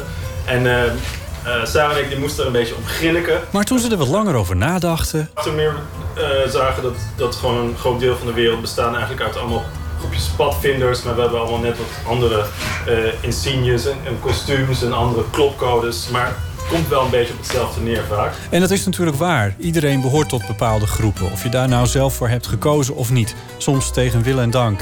Een goed thema dus voor een verzameling literaire verhalen. Op de plek waar we zijn is een soort mobiele sauna buiten in Amsterdam Noord. Op een bedrijventerrein waar de bedrijven langzaam plaatsmaken voor koopwoningen en koffietenten. In de tussentijd bevolken stadsnomaden het terrein. Ik kon de ingang eerst niet vinden, maar een jongeman in een roze t-shirt was even verdwaald als ik. Samen vonden we het. Je hebt soms anderen nodig. Tussen de tonnen met water en een tot sauna omgetoverde bouwkeet zitten de organisatoren Willem Sjoerd en Sarah Arnolds in hun badjassen. Ik vind het trouwens heel leuk dat jij ook een badjas hebt aangetrokken. Want, uh, want ja, goed, dan hoor je er ook gelijk een beetje bij. En dat is ook dat hele idee. Dat we uh, allemaal een soort van gewoon onze, onze, beetje onze kleren van ons afschudden... en dat we allemaal min of meer een soort hetzelfde ja, uniform aantrekken. Mijn badjas is literair, zullen we maar zeggen. De literaire wereld wordt niet zelden gezien als ook een clubje. Een gesloten bolwerk. Elitair, als ik een besmet woord mag gebruiken. Um, nou ja, jij uh, spreekt het nu uit. Dus je herhaalt misschien een soort cliché. Ja. Als iets wat je niet kent, daar ga je misschien van, vanzelf van uit dat het een soort bolwerk is. Of politiek Den Haag, weet je wel. Dat is heel fair en plusje. Maar als je gewoon je best doet en een keer gewoon met je, met je teen in het water gaat, bij wijze van spreken, dan um, blijkt dat het allemaal wel meevalt. Een voorleesavondje in een zaaltje zou misschien niet deze opkomst en zeker niet deze sfeer hebben gehad. Wat voor zwempak hebben jullie aan? Ik heb een bikini aan. Nieuwe? Uh, nee, een hele oude. Ja. ja. Wat heb jij aan? Ik ben nakend. Oh jeetje. Ja, ik, ik, ik dacht dat dat moest. In de sauna, ja. Ja, ik zit er heel met gekruiste benen zo, omdat ik... Uh, ja. Bang ben dat er dingen getoond worden ja, weet je, dat je dan... Uh, anyway. De sauna sla ik over met het excuus dat mijn recorder er niet tegen kan. Ik blijf weg uit de hete en vochtige ruimte waar men naakt is. Maar eigenlijk is het meer dat ik wel blij ben met mijn rol van verslaggever. De relatieve buitenstaande, de observator. Niet onderdeel van de groep. Navids ogen zijn als kleine pikzwarte kraaltjes. Hij heeft een klein buikje, zijn gezicht is bedekt door een baard en altijd een sigaret in zijn mond. Behalve nu hij moet optreden. Vanavond speelt hij ambient en drone muziek in een kleine theaterzaal in Teheran. Hij staat geconcentreerd boven de kroegen. Zijn muziek slaat als een golf over mij heen. Door simpelweg geboren te worden behoor je al tot groepen. Maar niet bij iedereen zijn die groepen duidelijk. Bijvoorbeeld bij Sophie Kurpershoek. Zij leest in de spiegeltent voor, niet in de sauna. Ze is dochter van een diplomaat, geboren in Saoedi-Arabië en opgegroeid in Pakistan en Turkije. Ergens bij horen is een thema dat haar op het lijf is geschreven. Haar verhaal gaat over hoe ze in Iran bij een concert met elektronische muziek is, waar wordt gedanst en waar wordt gedronken. Wat een beetje spannend is in het land van de Ayatollahs. Ik heb me altijd geïnteresseerd voor progressieve elektronische muziek. En ik ontdekte dat het daar echt heel erg groot is. Ja. En toen ben ik daarheen gegaan en die mensen via Instagram opgezocht en gevraagd of ik ze kon ontmoeten. Een diplomatendochter die altijd heeft gereisd met vliegvelden als eikpunten in haar leven. Bij welke groep wil zij horen? Ik denk dat mijn leven een beetje getekend is doordat ik nooit het gevoel heb dat ik ergens bij hoor. Altijd een beetje de toeschouwer van de zijlijn ben geweest. Um, ja, het is moeilijk te zeggen. Ik voel niet echt alsof ik bij iets hoor. Als je samen 18 bent en begint met te studeren, dan groei je eigenlijk samen op. En dan is dit Amsterdam zou ik wel thuis kunnen noemen. Maar het kriebelt altijd en altijd wil ik weg. En dan pak ik mijn tas en dan ga ik weer naar Iran. Of dan ga ik voor zes weken naar Oklahoma. En iedereen vroeg ook, waarom ga je daarheen? En ik dacht, ja, wil ik gewoon, wil ik gewoon heen. Voel je dan een beetje thuis in dit, ja, de club van de gids of zo? Of de groep die dan de gids heet? Oh ja, nu moet ik zeker een heel goed politiek antwoord hierop geven. um, Nou ja, het schrijverschap is mij ook een beetje in de schoot komen vallen. Ik heb um, in mijn debuut is uh, voortgekomen uit uh, dagboekaantekeningen. Waarvan ik dacht dat ik een kort verhaal kon maken. En uiteindelijk is dat een boek geworden. Maar ik, ik, was daar nooit echt heel erg mee bezig. En daarom ben ik er ook altijd een beetje buiten gebleven. Alhoewel ik wel schrijven gewoon een heel mooi vak vind dat ik heel graag doe. Maar mijn interesses of mijn leven. Ik schrijf doordat ik andere dingen doe en niet omdat ik mij in een bepaalde club bevind, denk ik. Sophie hoort in ieder geval bij de 26 schrijvers voor deze internetgids. Bij elke letter van het alfabet is een verhaal in de gids. Van de A van de anonieme tot de Z van zware jongens. Letteroefeningen over ergens bij horen. Negen ervan worden vanavond voorgedragen, waarvan drie in de sauna. Iedereen die eh, daar eh, de juiste eh, kleding voor heeft, eh, vraag ik om, eh, om het eh, met mij, met Alma, want daar gaan we het eerst naar luisteren. Zij heeft de K van ja, kleedkamer. De jonge man in het roze t-shirt, die ik voor de ingang trof, blijkt de bouwer van de website van de gids te zijn. En bovendien is hij de schrijver van een van de verhalen. We neigen steeds een beetje naar elkaar toe. Ik denk dat hij wel bij deze groep hoort, maar misschien is hij ook meer een observator.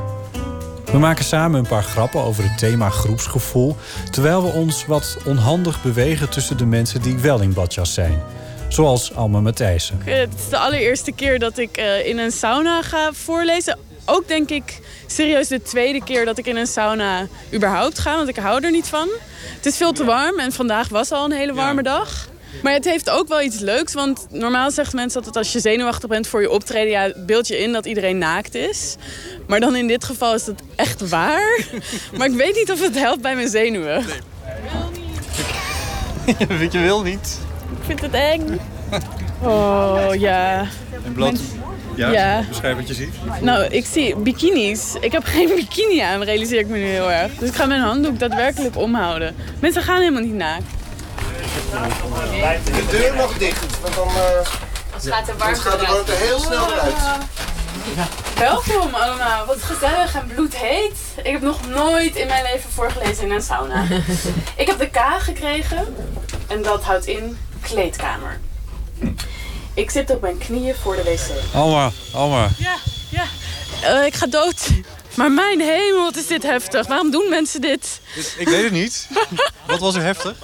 Nou, de sauna vooral. En het is natuurlijk ook best heftig om, om als je, ik een verhaal wil lezen, althans, dan kom ik in een soort van cadans. En je wilt toch ook echt een soort van optreden. Maar door die hitte, ik weet niet hoe heet het is, het voelt wel 50 graden of zoiets, word je heel erg. Je kan niet zo snel gaan en je kan niet versnellen op punten waarop je gewend bent om normaal dat wel te doen. Dus, oh, en ik zie nu iemand daarin gaan. Het is een soort ijswaterbad. Wil je dat? Ja, misschien wel. Ik weet het niet zo goed. Is dat verstandig? De regel is, na de sauna moet je even drie keer met je hoofd onder water. En je hele lichaam. Ja. Alma, dan ga je. Maar je, hebt, je bent er maar een minuut of acht in geweest. Of tien, hoe lang was het? Ja, ik denk acht. Nou, dan moet je eigenlijk wel even drie keer met je hoofd onder water. Anders krijg je hoofdpijn later. Sorry. Echt? Ja. Oh, het is koud. Weet je, ik kan deze eromheen houden. Zo. Ja? Eén. Eén. En dan twee. Eigenlijk, eigenlijk moet je nog twee keer. Ik wil niet dat je Oh, straks man. denkt, oh, ik ga nooit meer in de sauna, want ik heb zo'n kop uit. Nou ja, dit vond ik ergens ook nog wel lekker. Het koude water. Ja.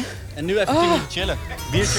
Mijn hemel. Alma heeft met deze vuurdoop een goede positie in de groep bewerkstelligd. Mijn hemel. Het zijn gewoon twee hele heftige dingen om naar elkaar te doen. Wat, je- wat je ook gewoon niet kan doen. Normale mensen hebben het gewoon een soort van een lekkere temperatuur, zoals jij op dit moment. Wij moesten het eerst super heet hebben en daarna heel koud. En nu een soort van euforisch, vreemd gevoel. Je hebt het gedaan, Alma. Ja, ja, ik moet trots zijn, hè? En een biertje drinken. Misschien wel, ja. Ik ga het doen. Dankjewel. Graag gedaan. De jonge man in het roze t-shirt en ik zitten aan het eind van de avond bij het vuur. In hem vind ik iemand die het ook liever aanschouwt, zoals er meer van zulke subgroepjes rond het vuur ontstaan. De jonge man leunt achterover op een wollen deken waar de wegspattende vonken uit het open vuur geen vat op krijgen.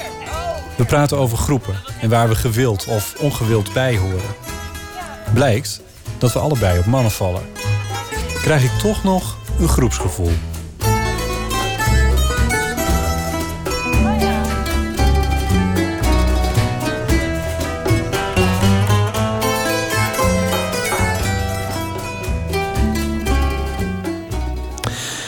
Botte Jellema bij de presentatie van de internetgids. En alle 26 verhalen bij het thema het groepsgevoel zijn te vinden op degids.nl met een streepje tussen de en gids. John Joseph Brill met het nummer I'm Not Alright.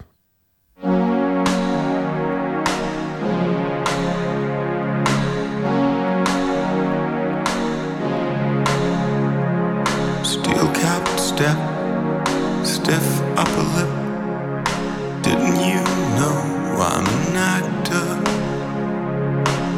months down in the jaws of this town.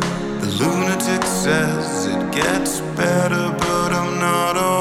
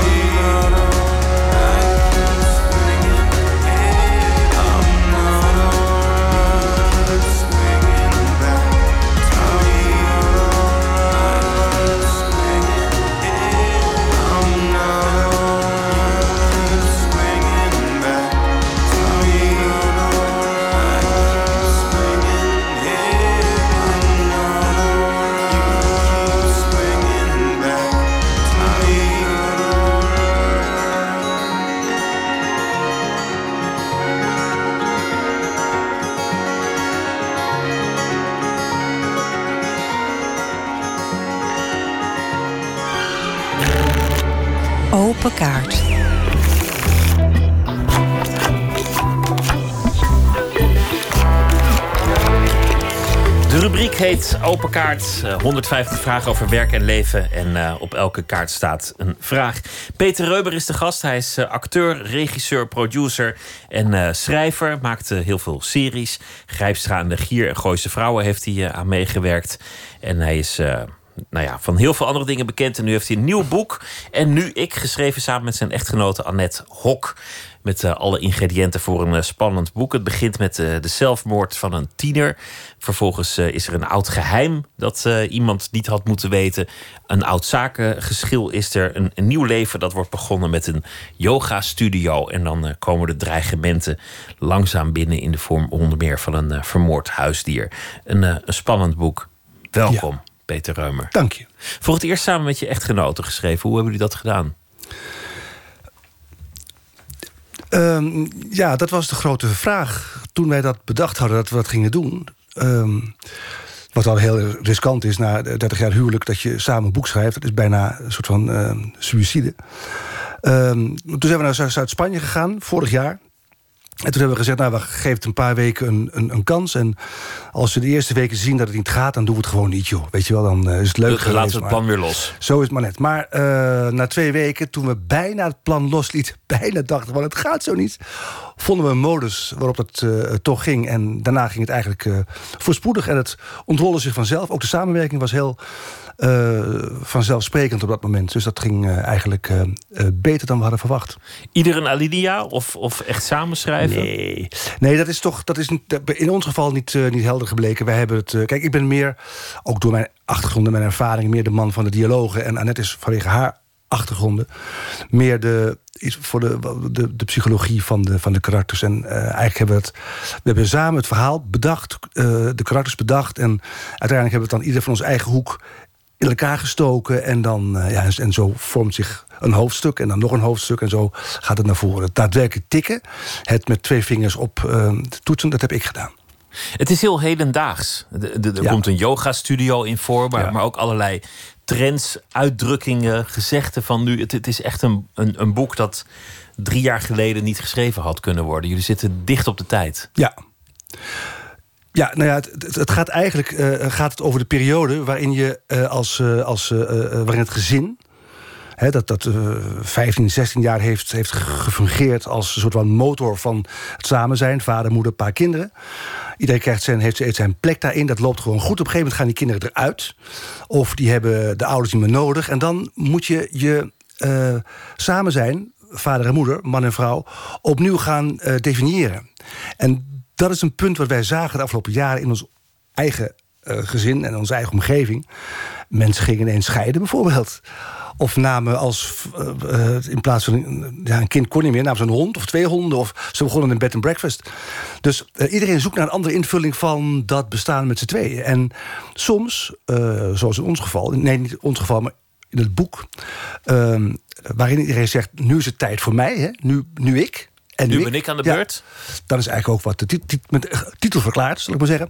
Eh, heeft dat tegelijkertijd rampzalige gevolgen? Want eh, vaak gebeurt het zo als, als, er- als, een, als, een, als een hechte groep uiteenvalt... dan komt ook alle rottigheid los, zal ik maar zeggen... die daarin eh, verscholen is geweest al die jaren. En dat is wat er gebeurt. Oude geschillen, oude conflicten, oude ellende, alles komt, komt naar boven.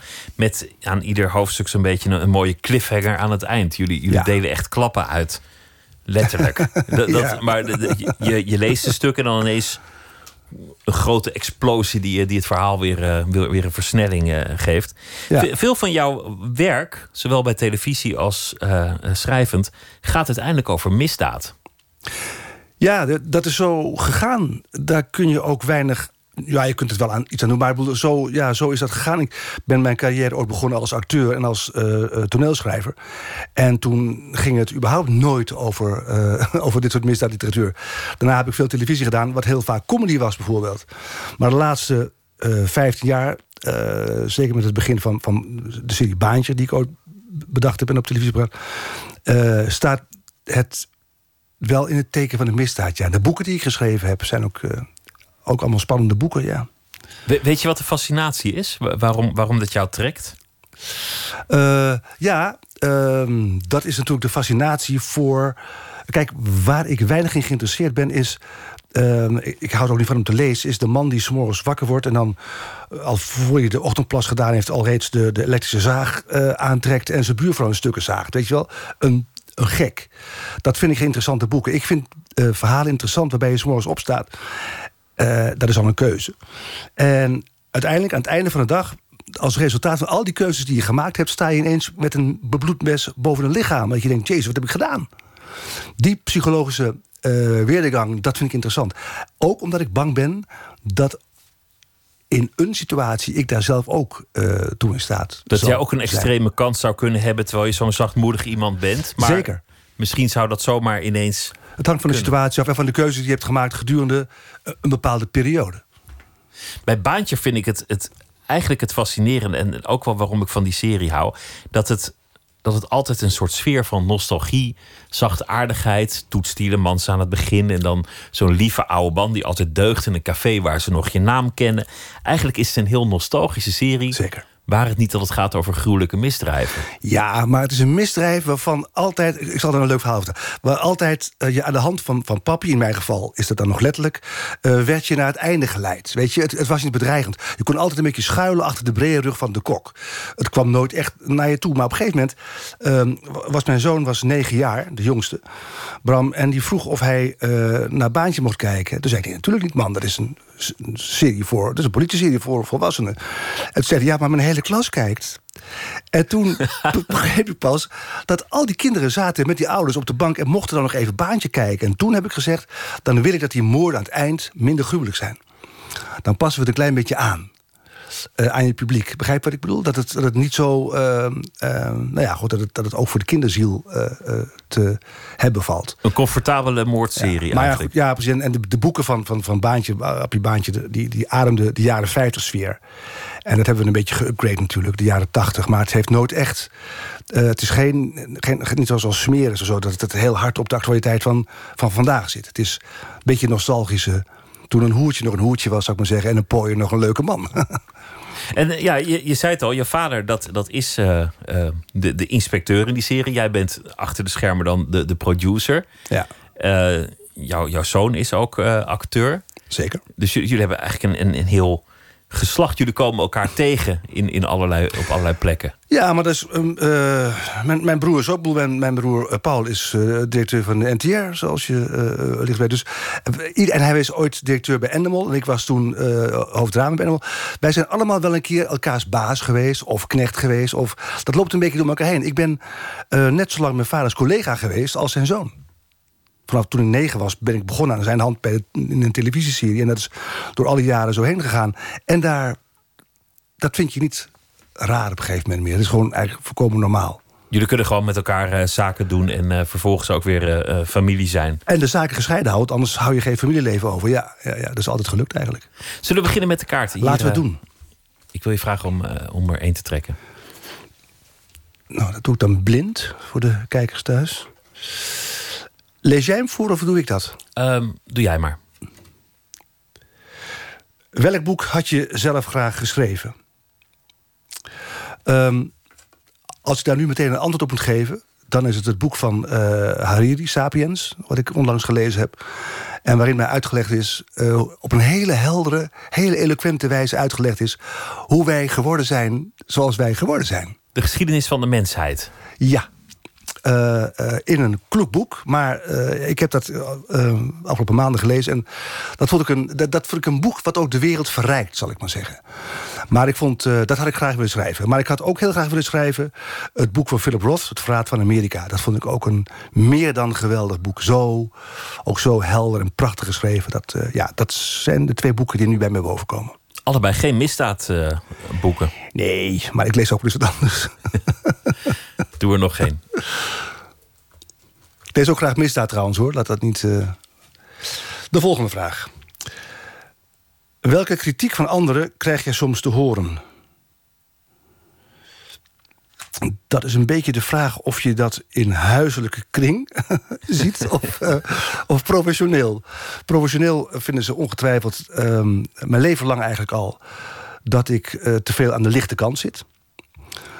Eh, en het enige waar ik me dan mee kan ver- ver- ver- ver- verdedigen is... dat is mijn pen. Ik heb een lichte pen. En eh, ik kan mij niet diepzinniger voordoen dan ik ben, zal ik maar zeggen. En ehm, de kritiek in huiselijke kring, dat wil ik ook best wel verklappen... is dat ik eh, te veel op mijn eigen eiland zit. Wat ik weer voor een schrijver heel belangrijk vind. Maar goed, daar heeft mijn gezin niks mee te maken. Die denken, oh god, hij is weer met zijn eigen ding bezig. eh, waar- waarom komt hij niet even hier? Of waarom... eh, Waarom kun je niet even de vuilnisbakken buiten zetten als je Ja. toch thuis bent? Ja, opdat ik met mijn hoofd heel ergens anders ben. Ja, heel Maar logisch ja. voor, voor een schrijver. Laten we er nog geen doen.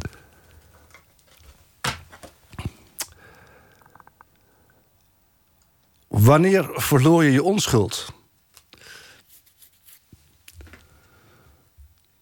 Ook die is pluri-interpretabel. Maar eigenlijk zou ik willen hopen dat ik mijn onschuld, het echte onschuld, ehm, nog niet verloren ben.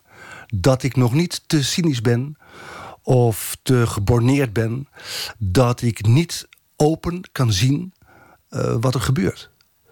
Ehm, ik heb een hele goede... eh, dat geldt eigenlijk voor mijn vader en mijn moeder.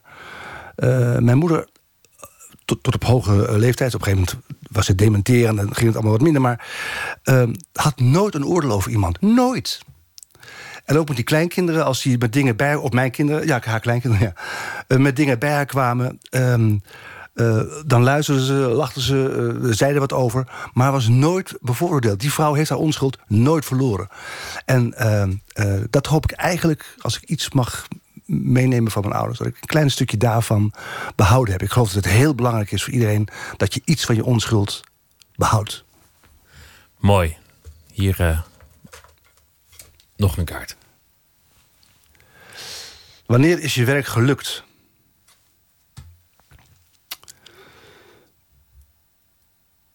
Wanneer is je werk gelukt? Eh, laat ik het volgende zeggen. Ehm, het werk is gelukt.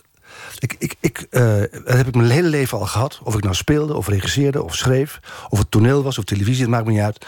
Ik doe het voor een publiek. Eh, ik heb een publiek nodig voor, mijn, voor wat ik doe. Hoewel ik het...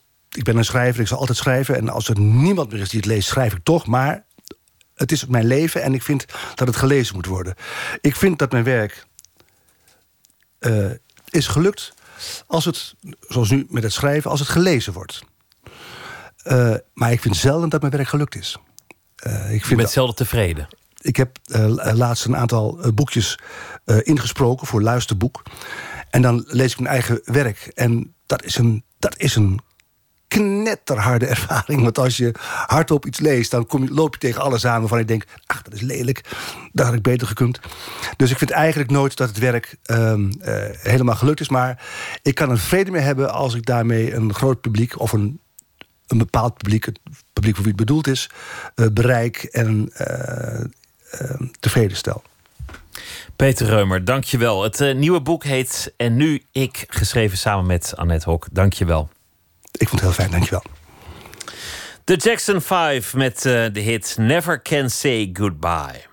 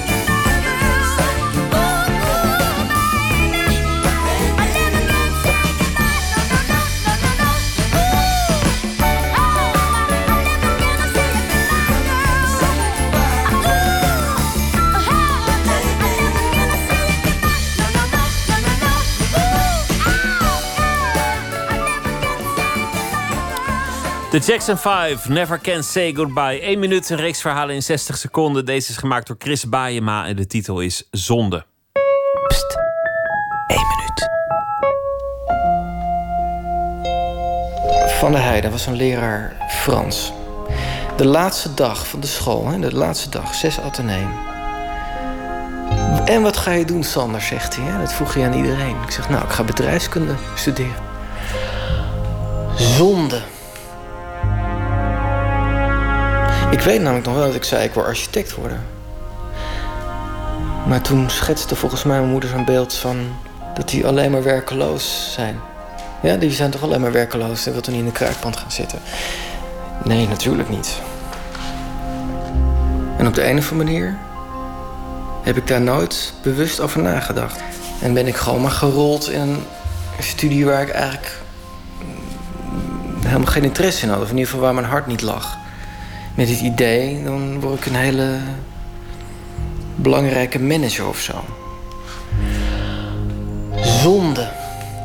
En waarom zou je dat nou willen worden? Zonde, wat een zonde. En ik voel, ja, en dan kwamen allemaal andere mensen en ik stond echt verbouwereerd. Wat bedoelt hij nou? Ja, tien jaar later wist ik heus wat hij bedoelde.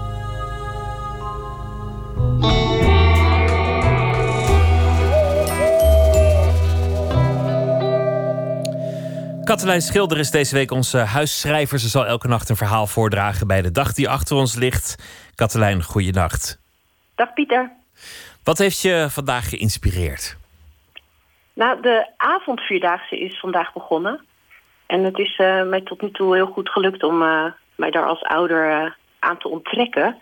En ik sprak vandaag opvallend veel mensen die nogal verlangend spraken over het naderende noodweer van va- vanavond. En dat ze zo hoopten dat het wandelen van vanavond zou worden afgelast. Ik zag ze helemaal opleven bij de gedachte aan een ongeplande vrije avond. Met een kop koffie en een krant erbij en de kinderen op tijd naar bed. En ik dacht, eh, ik heb dat eigenlijk ook altijd, dat ik best vaak hoop dat iets niet doorgaat. En het leek me ook wel leuk om deze week mee te beginnen. Met Daar eh, heb ik over geschreven. iets dat misschien niet doorgaat. Wat doen mensen zichzelf eigenlijk aan? Ik bedoel, je hoeft niet op die lijst te staan. En je kunt het ook zo regelen dat niemand je daar verwacht. En dat je sowieso die avond vrij hebt. Ja, vind ik dus ook. Maar er schijnt wel op heel veel scholen sprake te zijn van een behoorlijke sociale druk... waar toch mensen niet onderuit kunnen. Dus de hele straat gaat en de hele school gaat. Dus dan zie je zo'n hele stoet aan je huis voorbij komen. Dan moet je echt de gordijnen dicht doen en achter een kast gaan staan om het eh, te ontwijken. Mensen houden elkaar gevangen. Dat is het eigenlijk. Denk ik wel, ja, ja. En nu worden ze bevrijd door het onweer. Nou, dat hopen ze. Maar ja, dat in veel gevallen dus niet. Want het ging gewoon door, bijna overal. Ik ben benieuwd eh, naar het verhaal. Ga je gang. Oké, we gaan ervoor. Jannie van den Bos uit Bunschoten, die sinds die wonderlijke ochtend in mei 1993, toen ze in haar eentje voor de dichte deur van haar middelbare school stond en daar pas ontdekte dat ze wegens een studiedag vrij was, en die sindsdien elke ochtend wakker werd met de hoop dat alles was afgelast, probeerde vandaag iets nieuws. Ze nam het heft in eigen hand. Code Oranje, appte ze om half zeven vanmorgen al naar de Bunschoter avondvierdaagse appgroep. Meteen een app terug van Hans, waarschijnlijk net terug van het uitlaten van zijn hond. Ik zit er bovenop. Om half elf appte ze nogmaals. Ik vertrouw het niet. Hans en Peter reageerden nu. We staan in nauw contact met Piet Paulusma zelf, Jannie.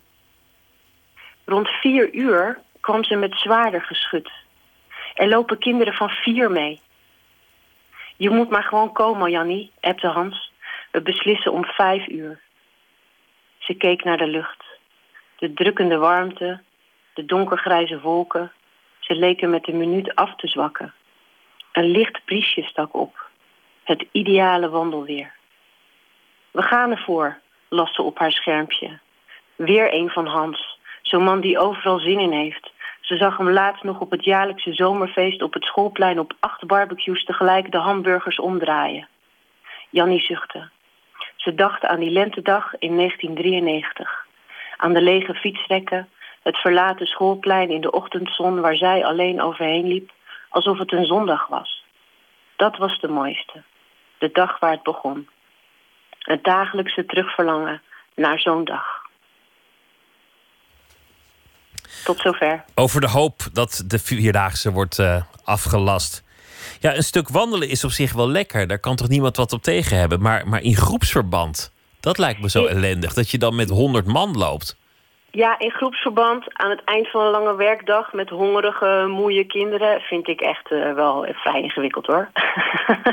Ja, dan zou ik echt ook hopen op alles. Onweer, een aardbeving. Het maakt me niet uit als het maar niet Ja. doorgaat. Dat vind ik ook. Katelijn, dankjewel. Goeienacht. Jo, tot morgen. Tot morgen.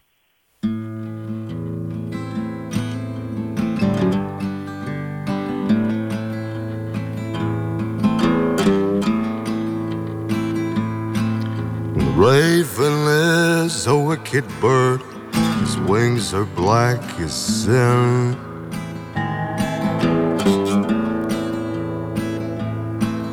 And he floats outside my prison window, mocking those within.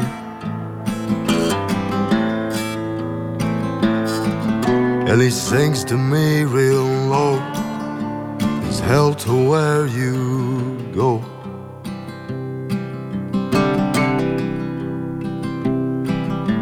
For you didn't murder Kate McCannon.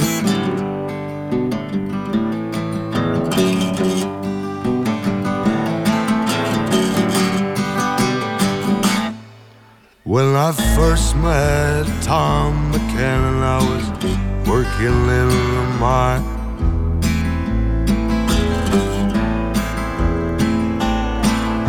He had himself a dark haired daughter with long green eyes.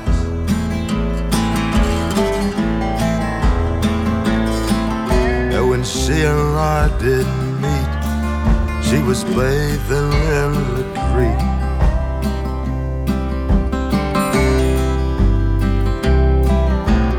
Prettiest girl in the whole damn holler.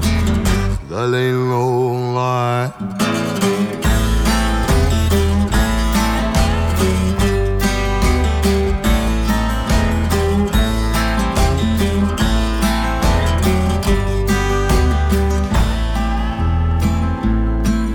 So I went a courting Kate McCannon.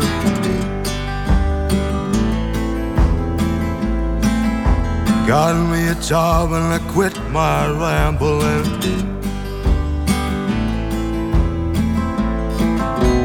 And every day I'd say a quarter of my pay.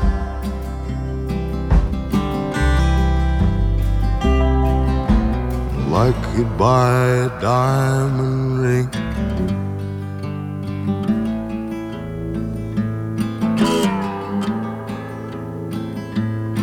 Lord, and one day I come home to find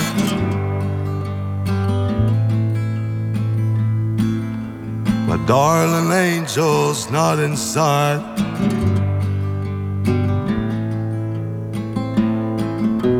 So I made for the creek where she and I didn't meet.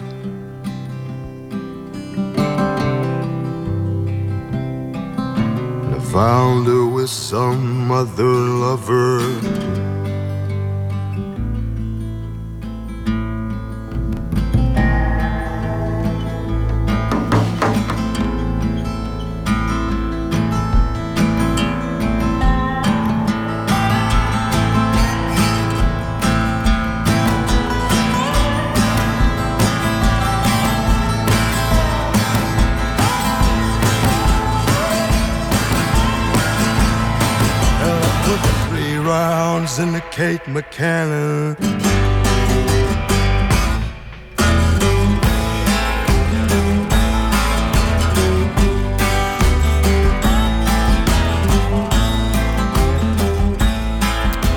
De Canadese zanger Coulter Wall was dat eh, met zijn nieuwe album. En dit nummer stond erop, eh, eh, Kate McKinnon. En hij treedt deze week op in eh, Nederland. Alfred Schaffer is deze week eh, de huisdichter. Hij zal elke nacht een gedicht voordragen. En deze heet Een lege trein.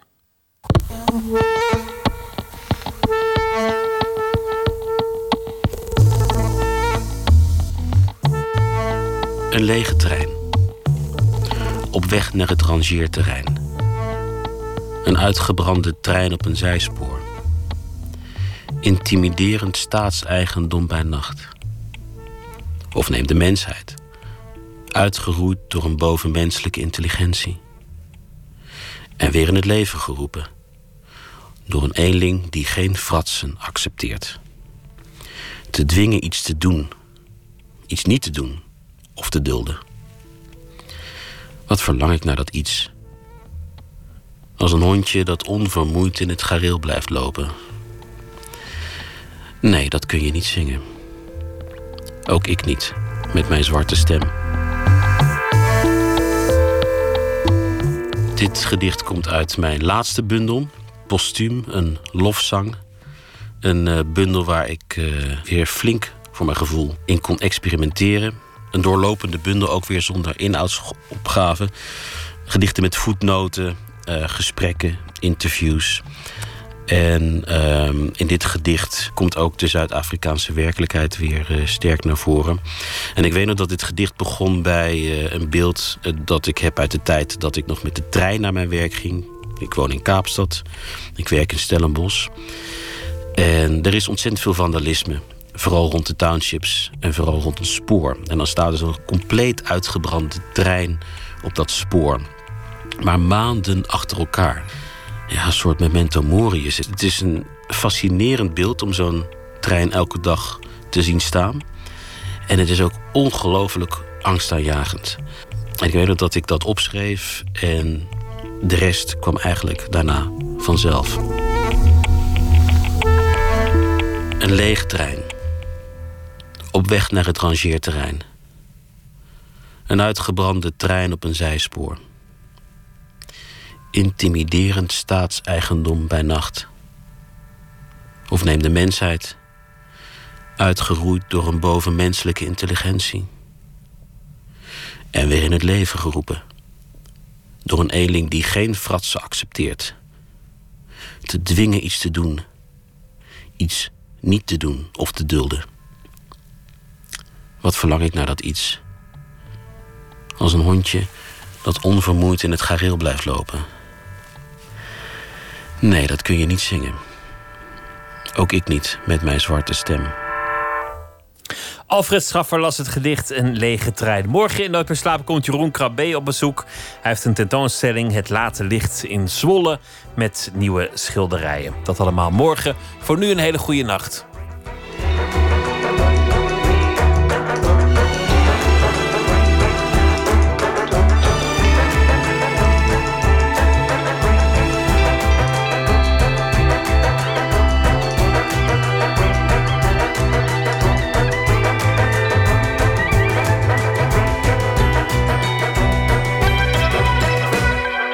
Radio 1, het nieuws van alle kanten.